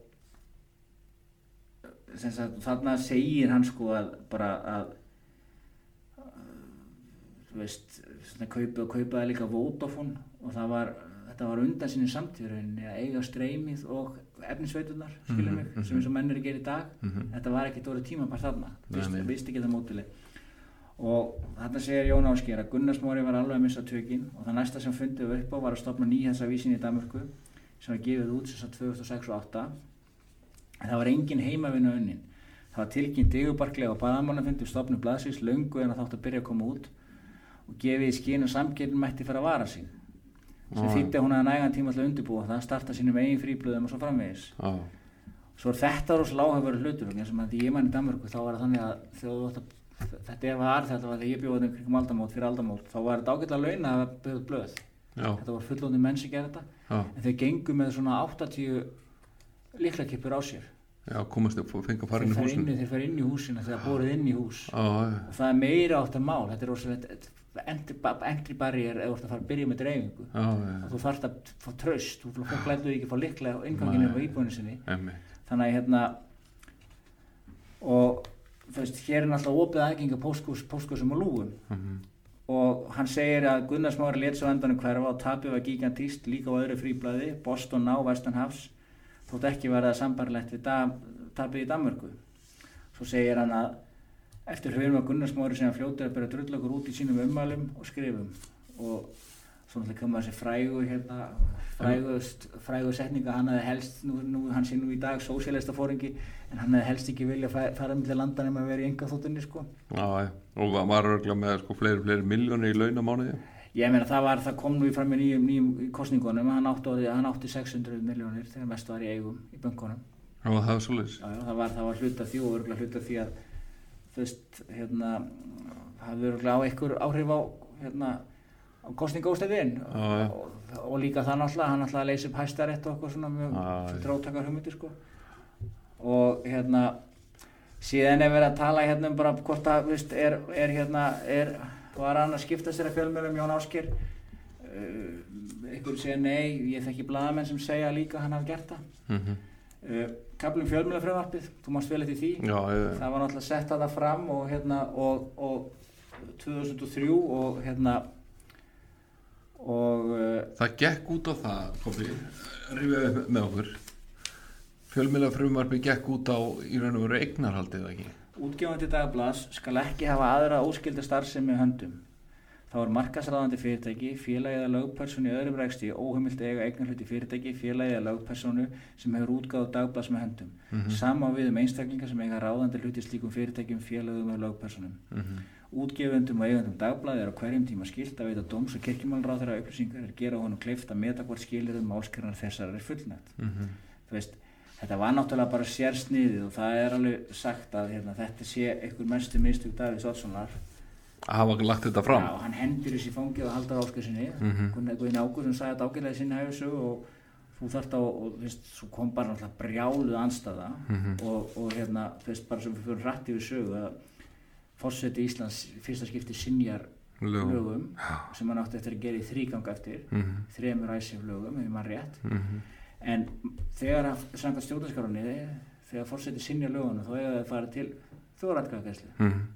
en til þess kom ekki. Nei, Davíð Ótsson allar ekki maður sem tapar ekki svona máli í þjóðarækka hann drópar máli tilbaka. Já, hann gat það og máli feitað út. En þetta var náttúrulega sko og uh, síðan já, síðan bara hérna veist, er hann hérna þetta hefur farið allt og mikil orka í þetta hjá honum á þessum tíma maður. Já, spáir í þessu bara, þú veist, og við erum, svo segir hann að þannig til þessum tíma var ég að kaupa Oasis, þetta er stór bestlunarkjæð, þetta er ekki minnst á þetta, veist, þetta verið bara gaman að, veist, þetta farið svo hratt yfir, þetta, þetta er ekkert alveg enga veginn nei menn hann talar hann voru að opna Debenhams Já, þú veist, það er rísabúðir skilur mig, já, já, þetta er ákveðin gallið við þessa, þessa bók sko, við erum opbúðslega mikið í þessum legacy fjárfestingum Mhm. stóru fjárfestingunum Mhm. sem hann, sem hann þú veist, öruglega gaman að tala um en, en hérna, það er líka fullt af öðrum hlutum.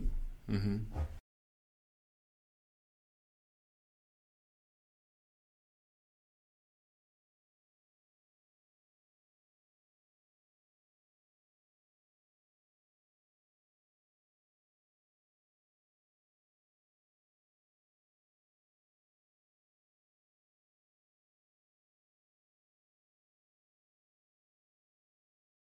Svona skemmtileg. Já, og þannig að hérna Hannes Smára þá fór nú heilt háramótasköp í hann mannstu já, já. Hann hérna, hann átti mið á, á, á, á úrstættalegi í meistaræðeldinni og nú veit ég ekkert hvort ég fer með rétt mála en þetta er bara skemmtileg saga. Og hann býður sem sagt Jóni Áskeri og Kalla Vernes og einhverjum uh, með sér á leikinn. Og svo kom bara að deginum og, og þeir eru konu út á völl. Er að fara að taka F, hérna FL-vélina já, nema það bólar ekkit á Hannesi. Og hérna þeir reyna að ná á hann og hann svarar ekki símanum og þeir ringi bílstjóran hans Hannesar og, og bílstjóran segir ég veit ekki, ég sá hann ég ætla að sjá fundi, ég er bara ekki alveg viss. Og segja, herðu sko við, við þurfum bara að komast í lofti, við, við um leik og við erum búin að skipuleika okkur. Og hérna, herðu segir bílstjóran, ég held ég að segja miðan á borðinu hans. Hann, bílstjóran fyrir á borðið á Hannesi og miðanur þar og bílstjóran kemur með út á völl og þeir ná ennþá ekki á Hannes Þannig að þeir ákveða að fara bara á, á hann, hérna, hans Kalla Vernes já, og þetta er náttúrulega kannski ekki til í þessu sögu. Og þess að hérna, þeir fara sem sagt á hvað heit félagi hans? Mæl, Milestone. Milestone. Þannig að það farið á Já. og Jón Áskir og Kalli Vernes og hann einhverju fleiri eru konni í vélina og þeir eru bara rétt konni í lofti hérna út í flóa þegar að Hannes syngjur og segir stróka hver eru þið? Við erum bara konið í lofti, við erum á á leiðinu, við gáttum ekki verið að býða eftir ef mann á leiknum. Djöfum að ég taðist þess, herðu, ég kem bara á eftir ykkur á FL-vilni, þannig að Hannes fyrir upp í FL-vilna og nú eru þið bara báði, bá, báða vélarnar á, á, á flugi, á fullu, fullri ferð á leiðinni til London. Og svo er lendan á City Airport og, og það er lenda bara á svipun tíma og, hérna, og það er þyrla sem býður eftir sem tekur niður á Stamford Bridge eða þarna fyrir utan. Já. og þeir eru bara konir að bara tímalega fyrir leik. Já, þannig að þeir ákvaða að fara nú hana og taka einn ein, ein öl fyrir leik. Nema að svo helviti gaman á pubnum þeir tók bara leikið það leika já, já. Okkur ekki. Akkur ekki. Ég segja það. Hérna en það er komið einmitt að gaman að segja það að næsti kapli sem ég ætla að taka til umfjöldunar er FL Group. Já, og hérna þú veist hérna byrjar svo kapli bara. Ef skoðuðu viðskiptasaga Jóns Áskeis frá því að þeir feðgastofnum bónus þá má segja lengst af hafa verið mikið siguganga og á þá sjálfsögðu við um, um baug og útrást þess fyrirtæki sér langstæstum dráttum. Þú veist, auðvitað var eitthvað í bandaríkjónum en þá voru stóri sigrar í Breitlandi og hefði getið miklu fleiri og stærri eða ekki komið til í tvíganga aðgera lögreglu og saksóknar hér heima á alvegstu augnablikum og útrást baugst hjá Norðurlanda og víðar tók sömulegis með ágætum frá er talan ævintýri eins og kringum blaðátgáfu en þá kemur þetta batteri sem heitir FL Group. Og þar svona í bókinu svolítið tala um að þar byrjir svolítið erfileikarnir Já, já. og hérna að þeir sem til þekki og spurður erum fyrir Jóns Áskers nefna yfirleitt einnig að fylsporin hefur trúlega helst verið í sambandi við FL Group og Hann er ekki byrjað að selja neitt á öllum þessu fjárfæstingunum með það. Hann á ennþá bónus, hann á ennþá hagkaup, Já, já. hann á ennþá 20% hlutin í Arcade, er hann búin að selja hann hann? er selt hann greinilega Selt hann, þegar hann segir sko hann var full af þessa fjár eftir að, eftir að geitja já, en hann er inn í Æsland eða þarna, Já, já. já, og hann er, hann er í Magasindi Nord og Hamleis, já, já. hann er bara inn í alls þar. House of Fraser líka átt að það ekki Já, var alveg rétt. það, hérna, Þeir fóru nú inn og út þar held ég. FL Group var til 10. mars 2005 þegar flugliðin var breytt í FL Group eftir skipularsbyrningar og við þekkjum allir söguna um flugliðir flugfæla Íslands og loftliðir og í 2005, oktober þá hérna tekur Hannes Smárasson við. Og Hannes sem sagt eh, hafði verið áður hjá uh, Decode. Kára Stefanssoni. en Hannes var þarna aðalegandi flugulega og í framhaldinu var skipulagi fyrirtækisins breytt þannig að fjárfestingastarfsemi var aðalverkefni þess og það voru stofnum 28 félög Icelandair Group sem tók við alþjóðlegu fluguristri FL Group og FL Travel Group. Og síðan 2006 árið síðar þá verður raunni algjör aðskilnaður þegar FL Group selur all hluta fyrir sett í Icelandair. Og sem sagt uh, þá er það raunni skili við þessa arfleið sem að hann hófst með fluginu. Mm en 2007 létt Hannes Márasson að störfum sem fóstur í félagsins og við tók Jón Sigursson þá var þetta aðstofafjösturi það, ég ma- það, það er ekki talað um það hérna ég man bara vel eftir að stjórnin manstu var saði ég af sér hérna hjá Æslandir Já, hann lánaði peninga úr FL Group það tók fyrst Það var bæði það og var ekki líka svo mikill annar kostnaður og óskilgreindur annar kostnaður. Jú, það var aðalega það, hann, það voru hann einhver millifæslu sem að, hann hefði enga heimild að, að, taka úr Mm. og síðan sem sagt hérna síðan er bara farið í einhverja rugg fjárfestingar sko þú veist hérna bara svo við förum að sé yfir þetta sko að, að, að t- 2007 sko þá var tapið 67,3 miljardar króna Shit. og þetta var mest að tap íslensk fyrirtækis á einu ári.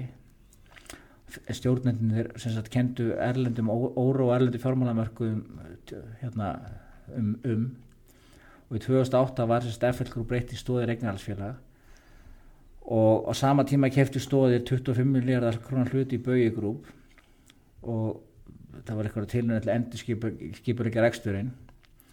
En á þessum fyrsta ásfjörðingi 2008 tapaði FL Group 47,8 miljórum króna og öðrum ásfjörðingi 11,6 miljardum samtal 60 miljardum á fyrri helmingi árs 2008 og bara þess að setja í samingi þá hafði við tapað 67 miljardum mástu árið 2007 Já.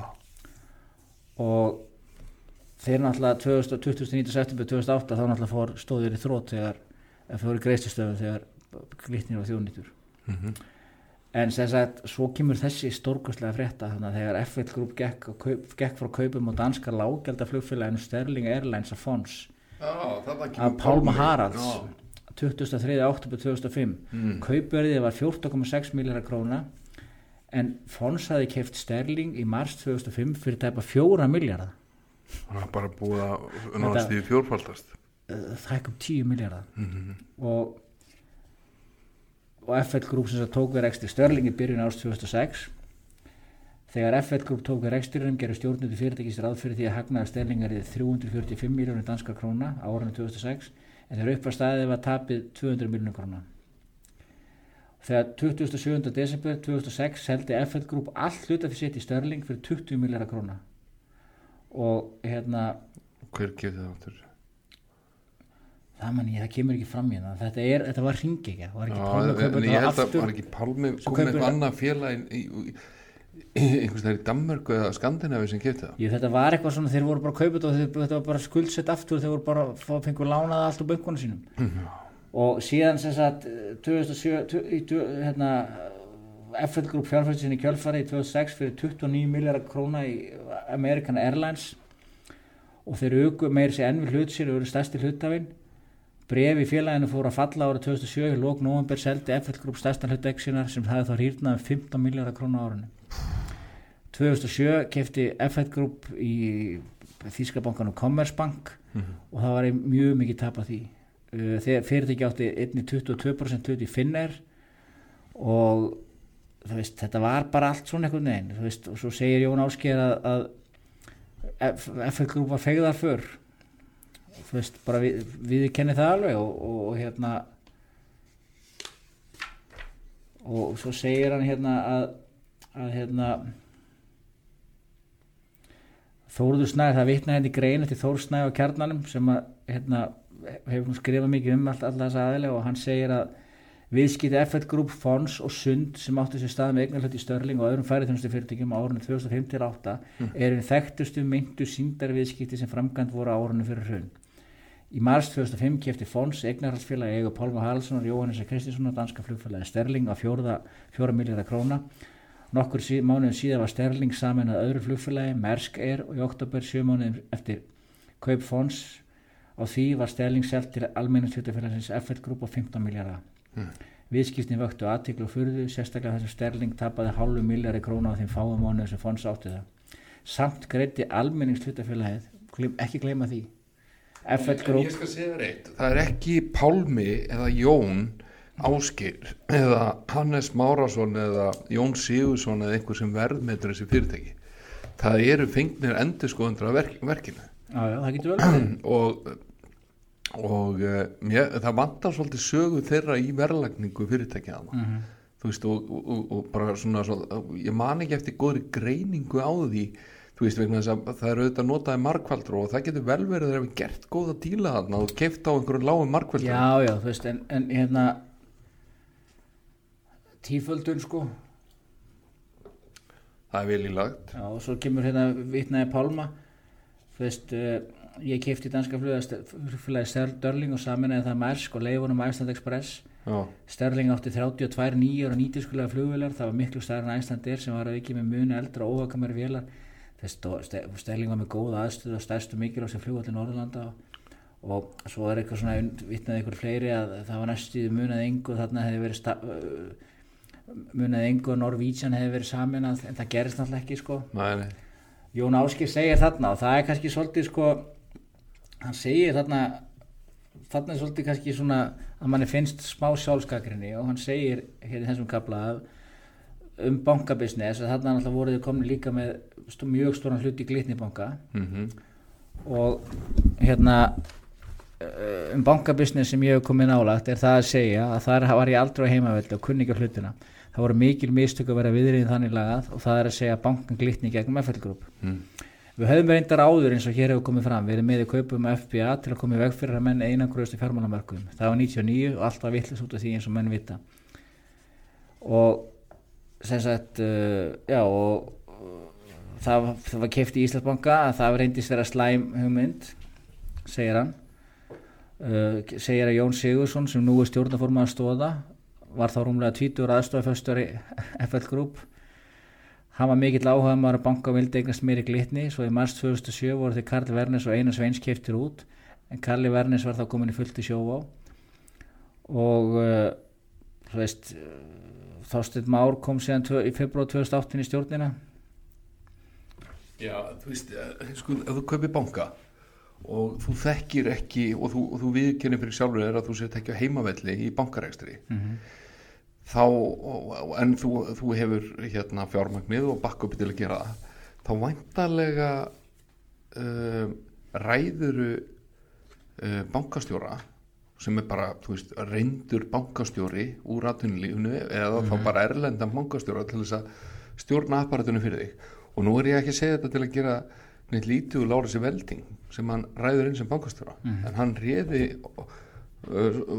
frekar óreindan manni í starfið. Og ég þekki Lárus vel og þetta er virkilega velgefin drengur og við sátum, við erum sessionitur úr Vestlunarskólan en ma- þú veist, það, það má alveg velta upp svona ef að þú eigna, kaupiði banka Já, já. þú veist, og þú, þú, þú teluð ekki vera á heimavelli viltu þá ekki að minnstakosti að, að aðal stjórnandi bankan sé sé þú, þú, ég þessu marka á öðrum, það lítur að geta sótt að reynda bankastjóru út í heimi eða hérna Já. heima til þess að Sagan segir að Lárus Velding hafi verið va fyrir valinu vegna þess að hann vann svo vel fyrir hann í landsbankanum þegar hann var að kaupa var í einhverju stórum yfirtökum út í, út í, út í Englandi það getur vel verið að þeir hafi bara verið farin að vinna vel saman og, og hérna og átt, átt góða reynslusugu saman og unni vel saman. Og það hafi verið ástæðan. En svo segir hérna, svo sem sagt við vitnaði hérna já, að að akkur Jón Áskeri hafi verið svo mikið í mun að komast láhrifæg glitni? Það hafi verið vegna þess að hans helstu keppinautar hefði verið eigendur hinnu bankana tveggja. Í landsbankanum sem hann hafði skiptið mikið við hafði hann vísu eingungu verið í samskipti við starfsfólk ekki eigendur en hann og hafi óttast að eigendur hertu tökin getur við fara að gera honum erfitt fyrir. Já, og það sama hefði svo átt við um kaupísbankan þess vegna fór hann að kaupi glitni. En raunin aðeins og seint.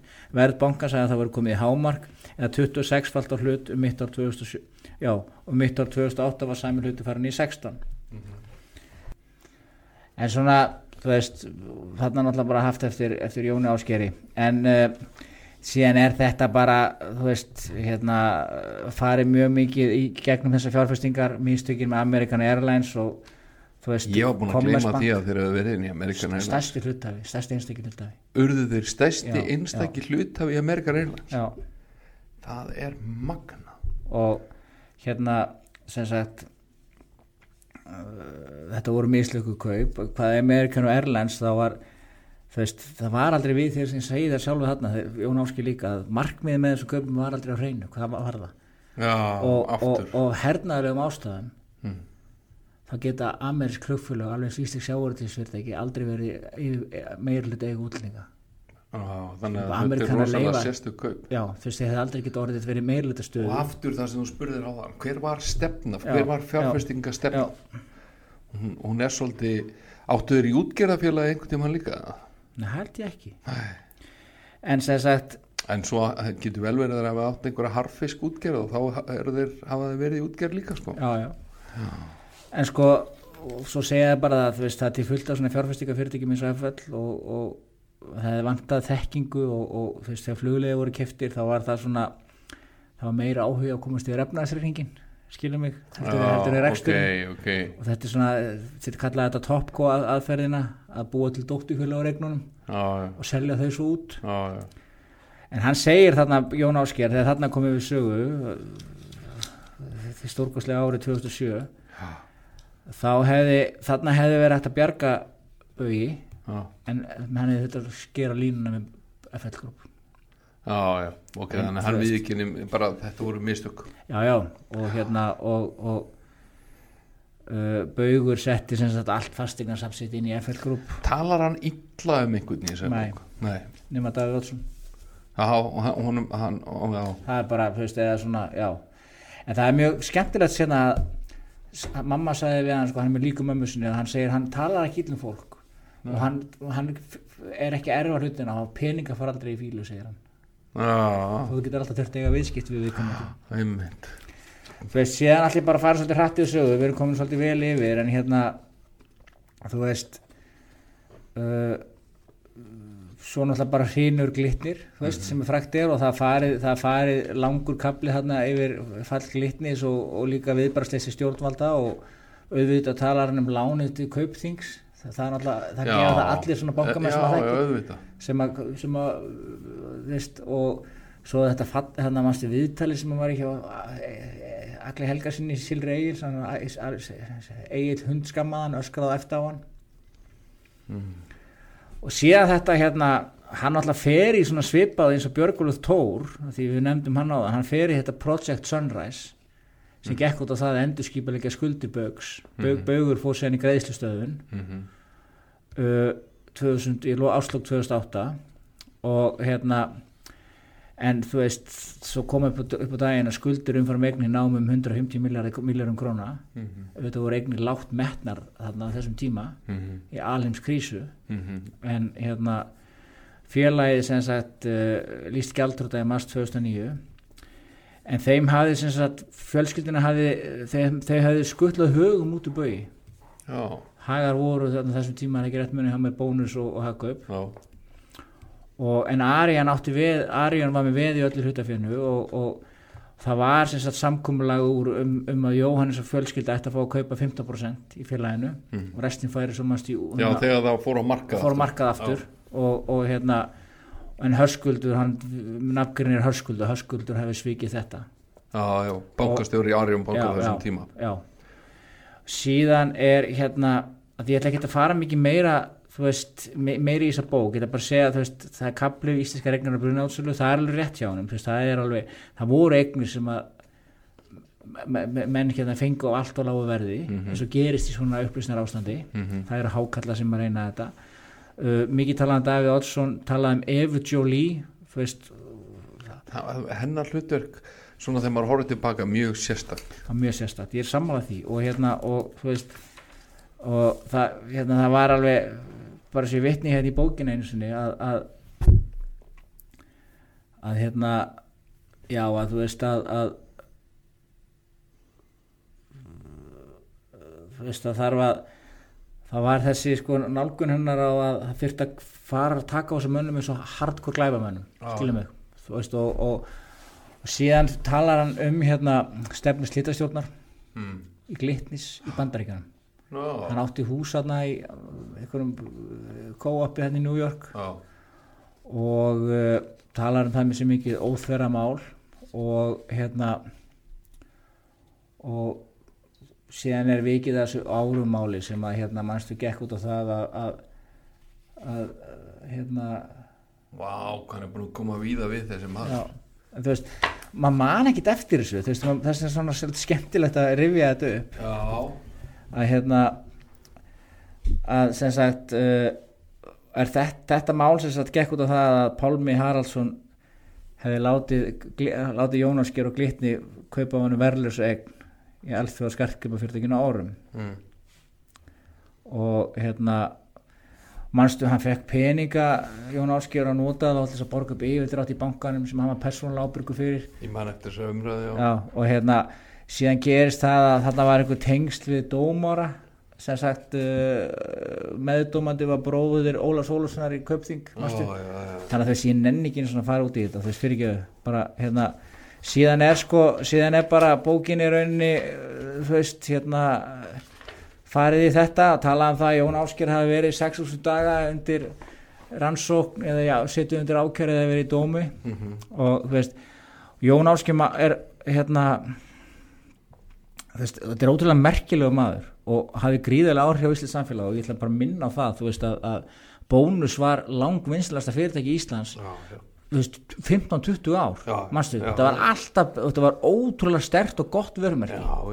Og, og, og þar var alveg skýr stefna, þar var mission og þar var vision. Já. og, og veist, alveg skýr stefna frá day one og það var ekkert nýga mikið út frá henni. nei, Þau, auðvitað fóru þeirra stað, þeir ætlaðu að vera með minna vörval en varð svo í búðinni. Mm en, uh, en þú veist, stack them high, sell them low. Já, já, og, uh, og lára ekstra kostnaður og engin að þetta, þetta mótil hefur algjörlega sanna sig. En veist, þetta er svolítið þegar le- maður lesa hana, þetta er svolítið svona eins og að lesa Terminator uh, businessins manna, sko. Ég tala á hann um Richard Branson. Þess bók hans er þegar hann, hann segir frá því þegar hann missir Virgin tónlistafyrirtækið Já. og hann hágrætur. Já, hann er að kveðið hann frænda sinn Já. og vini. Eitt sinni besta árum hann segir frá sko óttanum þegar bankamæðurinn alltaf var að fara á taugum. Þú veist hann segir frá tilfinningunum í þessu. Já. það er ekki sagt einum stað um tilfinningar. Það er aldrei talað um það til gleðina eða stoltheitin eða skilurum mig? Það er aldrei talað um gretan þegar Arcadia-máli kom upp skilurum mig? En hvað sagður aftur áðan um peninga? um peninga, peninga far ekki í fílu Akkurat. Þannig að ég held að þeir hafi, og það sem er annað í þessu líka, að þú veist, nú hafa verið skrifað bækur um Walmart og, og Kmart sem er svona það félag sem hefur lent í, í mestum erfileikum rekstralega. Það er, það er, það er hvergi, ef ég skilir rétt, það er hvergi farið í rekstrar erfiðleika á rítili. nei, Nei. nei Það, meina við, við erum bara við erum bara, við erum bara yfir þetta bókin er bara hún er yfir reksturinn hafin hún er bara, Algjörlega, já. þetta er bók sem fjallar um kaup á efnagsreikningum Já, það er svolítið hannig, þetta er mjög góða punktur.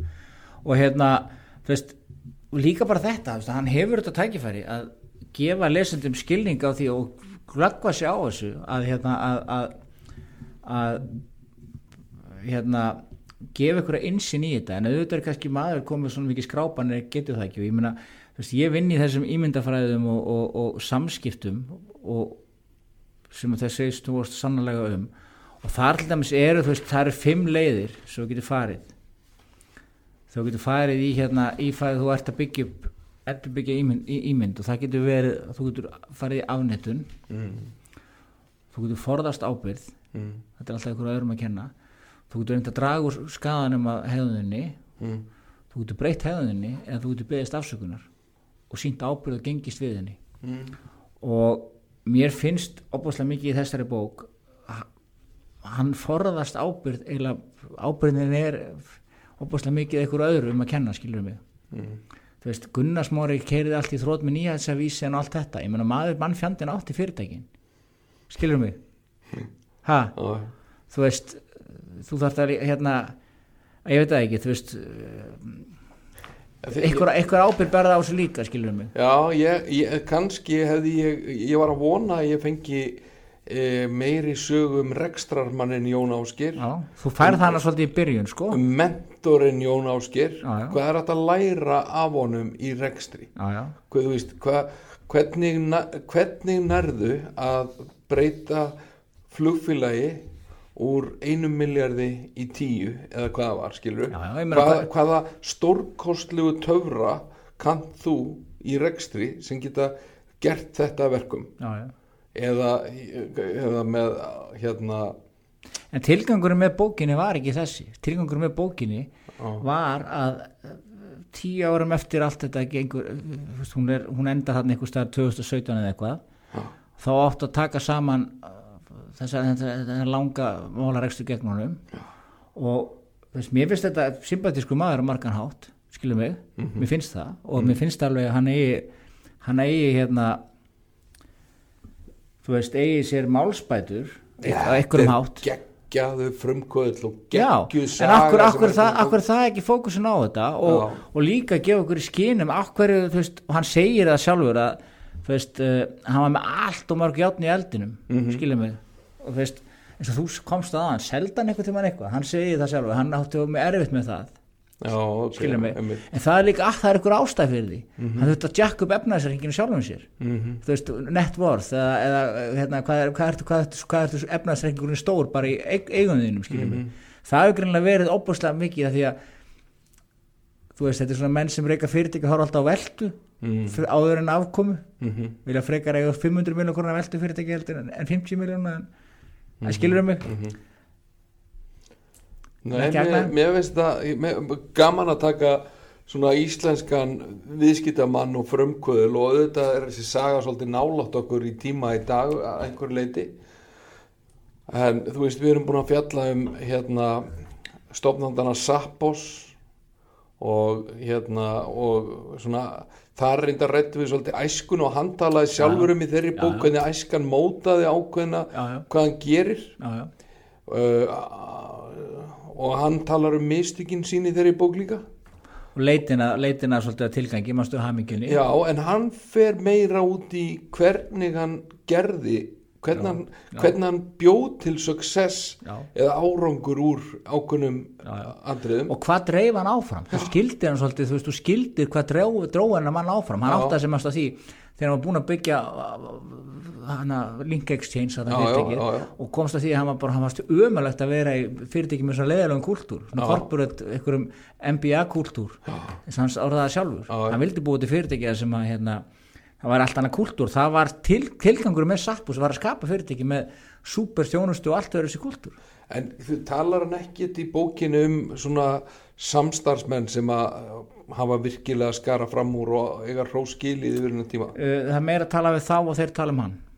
Já, já, þú veist eins og ánaðu nefnda Jón Björnsson Já. Jón Skeving, Gunnar Já. Björnsson þú veist þessar uh, karunur sem unni með hann Átna. Pétur, þú veist hérna, uh, Hrein Loftsson þú veist það tala við þessa menn en hann hefur raðað í kringu sig gegnum tíðina góðu fólki. Alveg öruglega já, og veist þetta er, þetta, er, þetta er líka og ég meina það er, við vorum nú að tala saman um daginn, ég meina þú veist hann er núna í ágætis vegferð með skelljungi sínismanni Já, já, ekki spurning hérna, mér sýnist hann alltaf að gera hérna, maður sýnist, hann hefur kannski eitthvað lært á þessu maðurinn og það er bara vel og, og ég vona hann gangi vel með það. Ég satt nú í stjórn Skelljungs hann í skamman tíma. Henda þeir ekki út?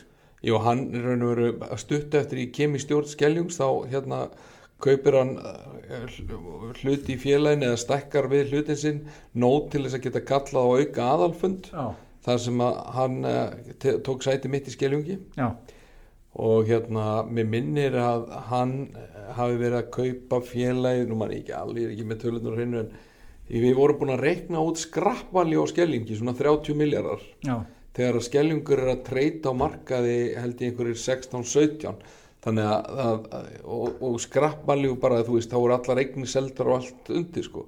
Og, og þú veist ég held reyndar að þetta sé alveg geggjuð kaup vegna þess að að oljufyrirtæki í dag svona, þú veist, ég held að það er alltaf ramaksvæðast og annað. Já, já. þannig að hann er að eignast verðmætar lóðir. Hann er búinn að selja dönsku operationina frá. Færi sko ekki? Fyrir ekki færisku operationina Já, frá. já, já. Og eftir standa þá svona hérna eh, lóðir eh, ákveðið distribution eða dreifingarkerfi á Íslandi og, og hérna og svo auðvitað þetta retail. Já. mér sýnist þeir verið að breyta þessu retail í svona svolítið nýmóðins. Það er að koma þarna Jóði Juice í eitthvað og, og, og, og svona hitt og þetta.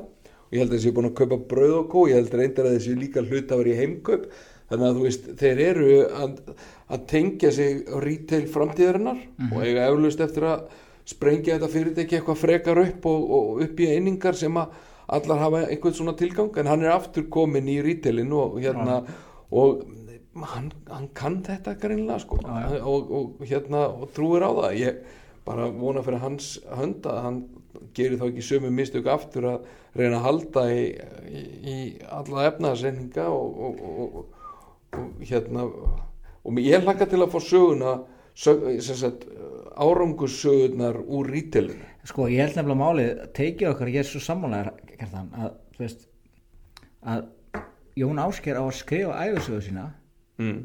ekki sem málsvörn heldur sem einhvers konar uppgjöru sjálfan sig. Já, ég bara og, það væri frábær bók. Bara frábær bók. Miklu, miklu skemmtilega er þessi málsvörn. Já, það sem við bara tökum hvert case fyrir sig hva, hva, hvað hann lærði? Já, hvað hann gerði? Hva, hva, hvaða árangur hann náði? Eða hvað, hvað mistök hann gerði? Þú veist, hvaða verðmæta hann náði að skapa og hvernig hann gerði það? Já, hvernig hann náði að breyta menningu og, og, og, og með hvaða hætt hann hafði áhrif á mannuð hvaða bjargir hann notaði til þess?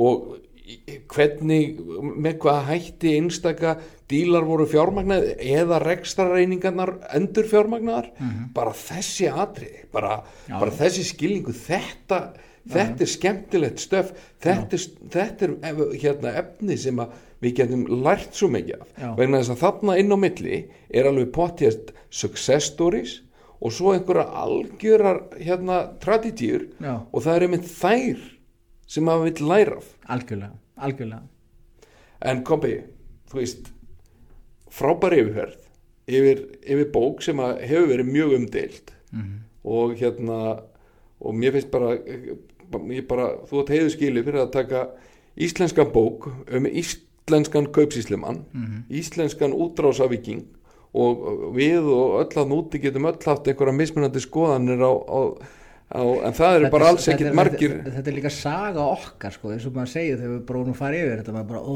þú veist, ef maður farið Já, já. farið þetta er saga okkar, þetta er heimurinn okkar Já, já. senustu 30 ár, 40 ár. Já, já, þannig að hérna bara vel gert og hérna takk, takk fyrir þetta. Takk að fyrir það og uh, við hittumst þá bara uh, næst í loftinu hvað fyrsta nóvember Nei, það er ekki 15 daga fyrir ekki 15. Október. oktober Já. 15. oktober næst Það er að vera með klár þá Jú, ég ætla að taka bók um breytingastjórnun þá Já, ekki æfisaga, þetta er bara svona áhugaverð Eitthvað- bók um breytingastjórnun og þetta er einmitt það sem ég er að díla við í dag og kannski tippa inn nokkrum, nokkrum svona pælingum um, um reksturinn minn í dag og hvernig hérna hvað ég er að, hvaða bröðum ég er að beita í bókinni til þess að bæta það sem að fyrir er. Um það snýst allt sem maður bæta sig já, og læra. Já.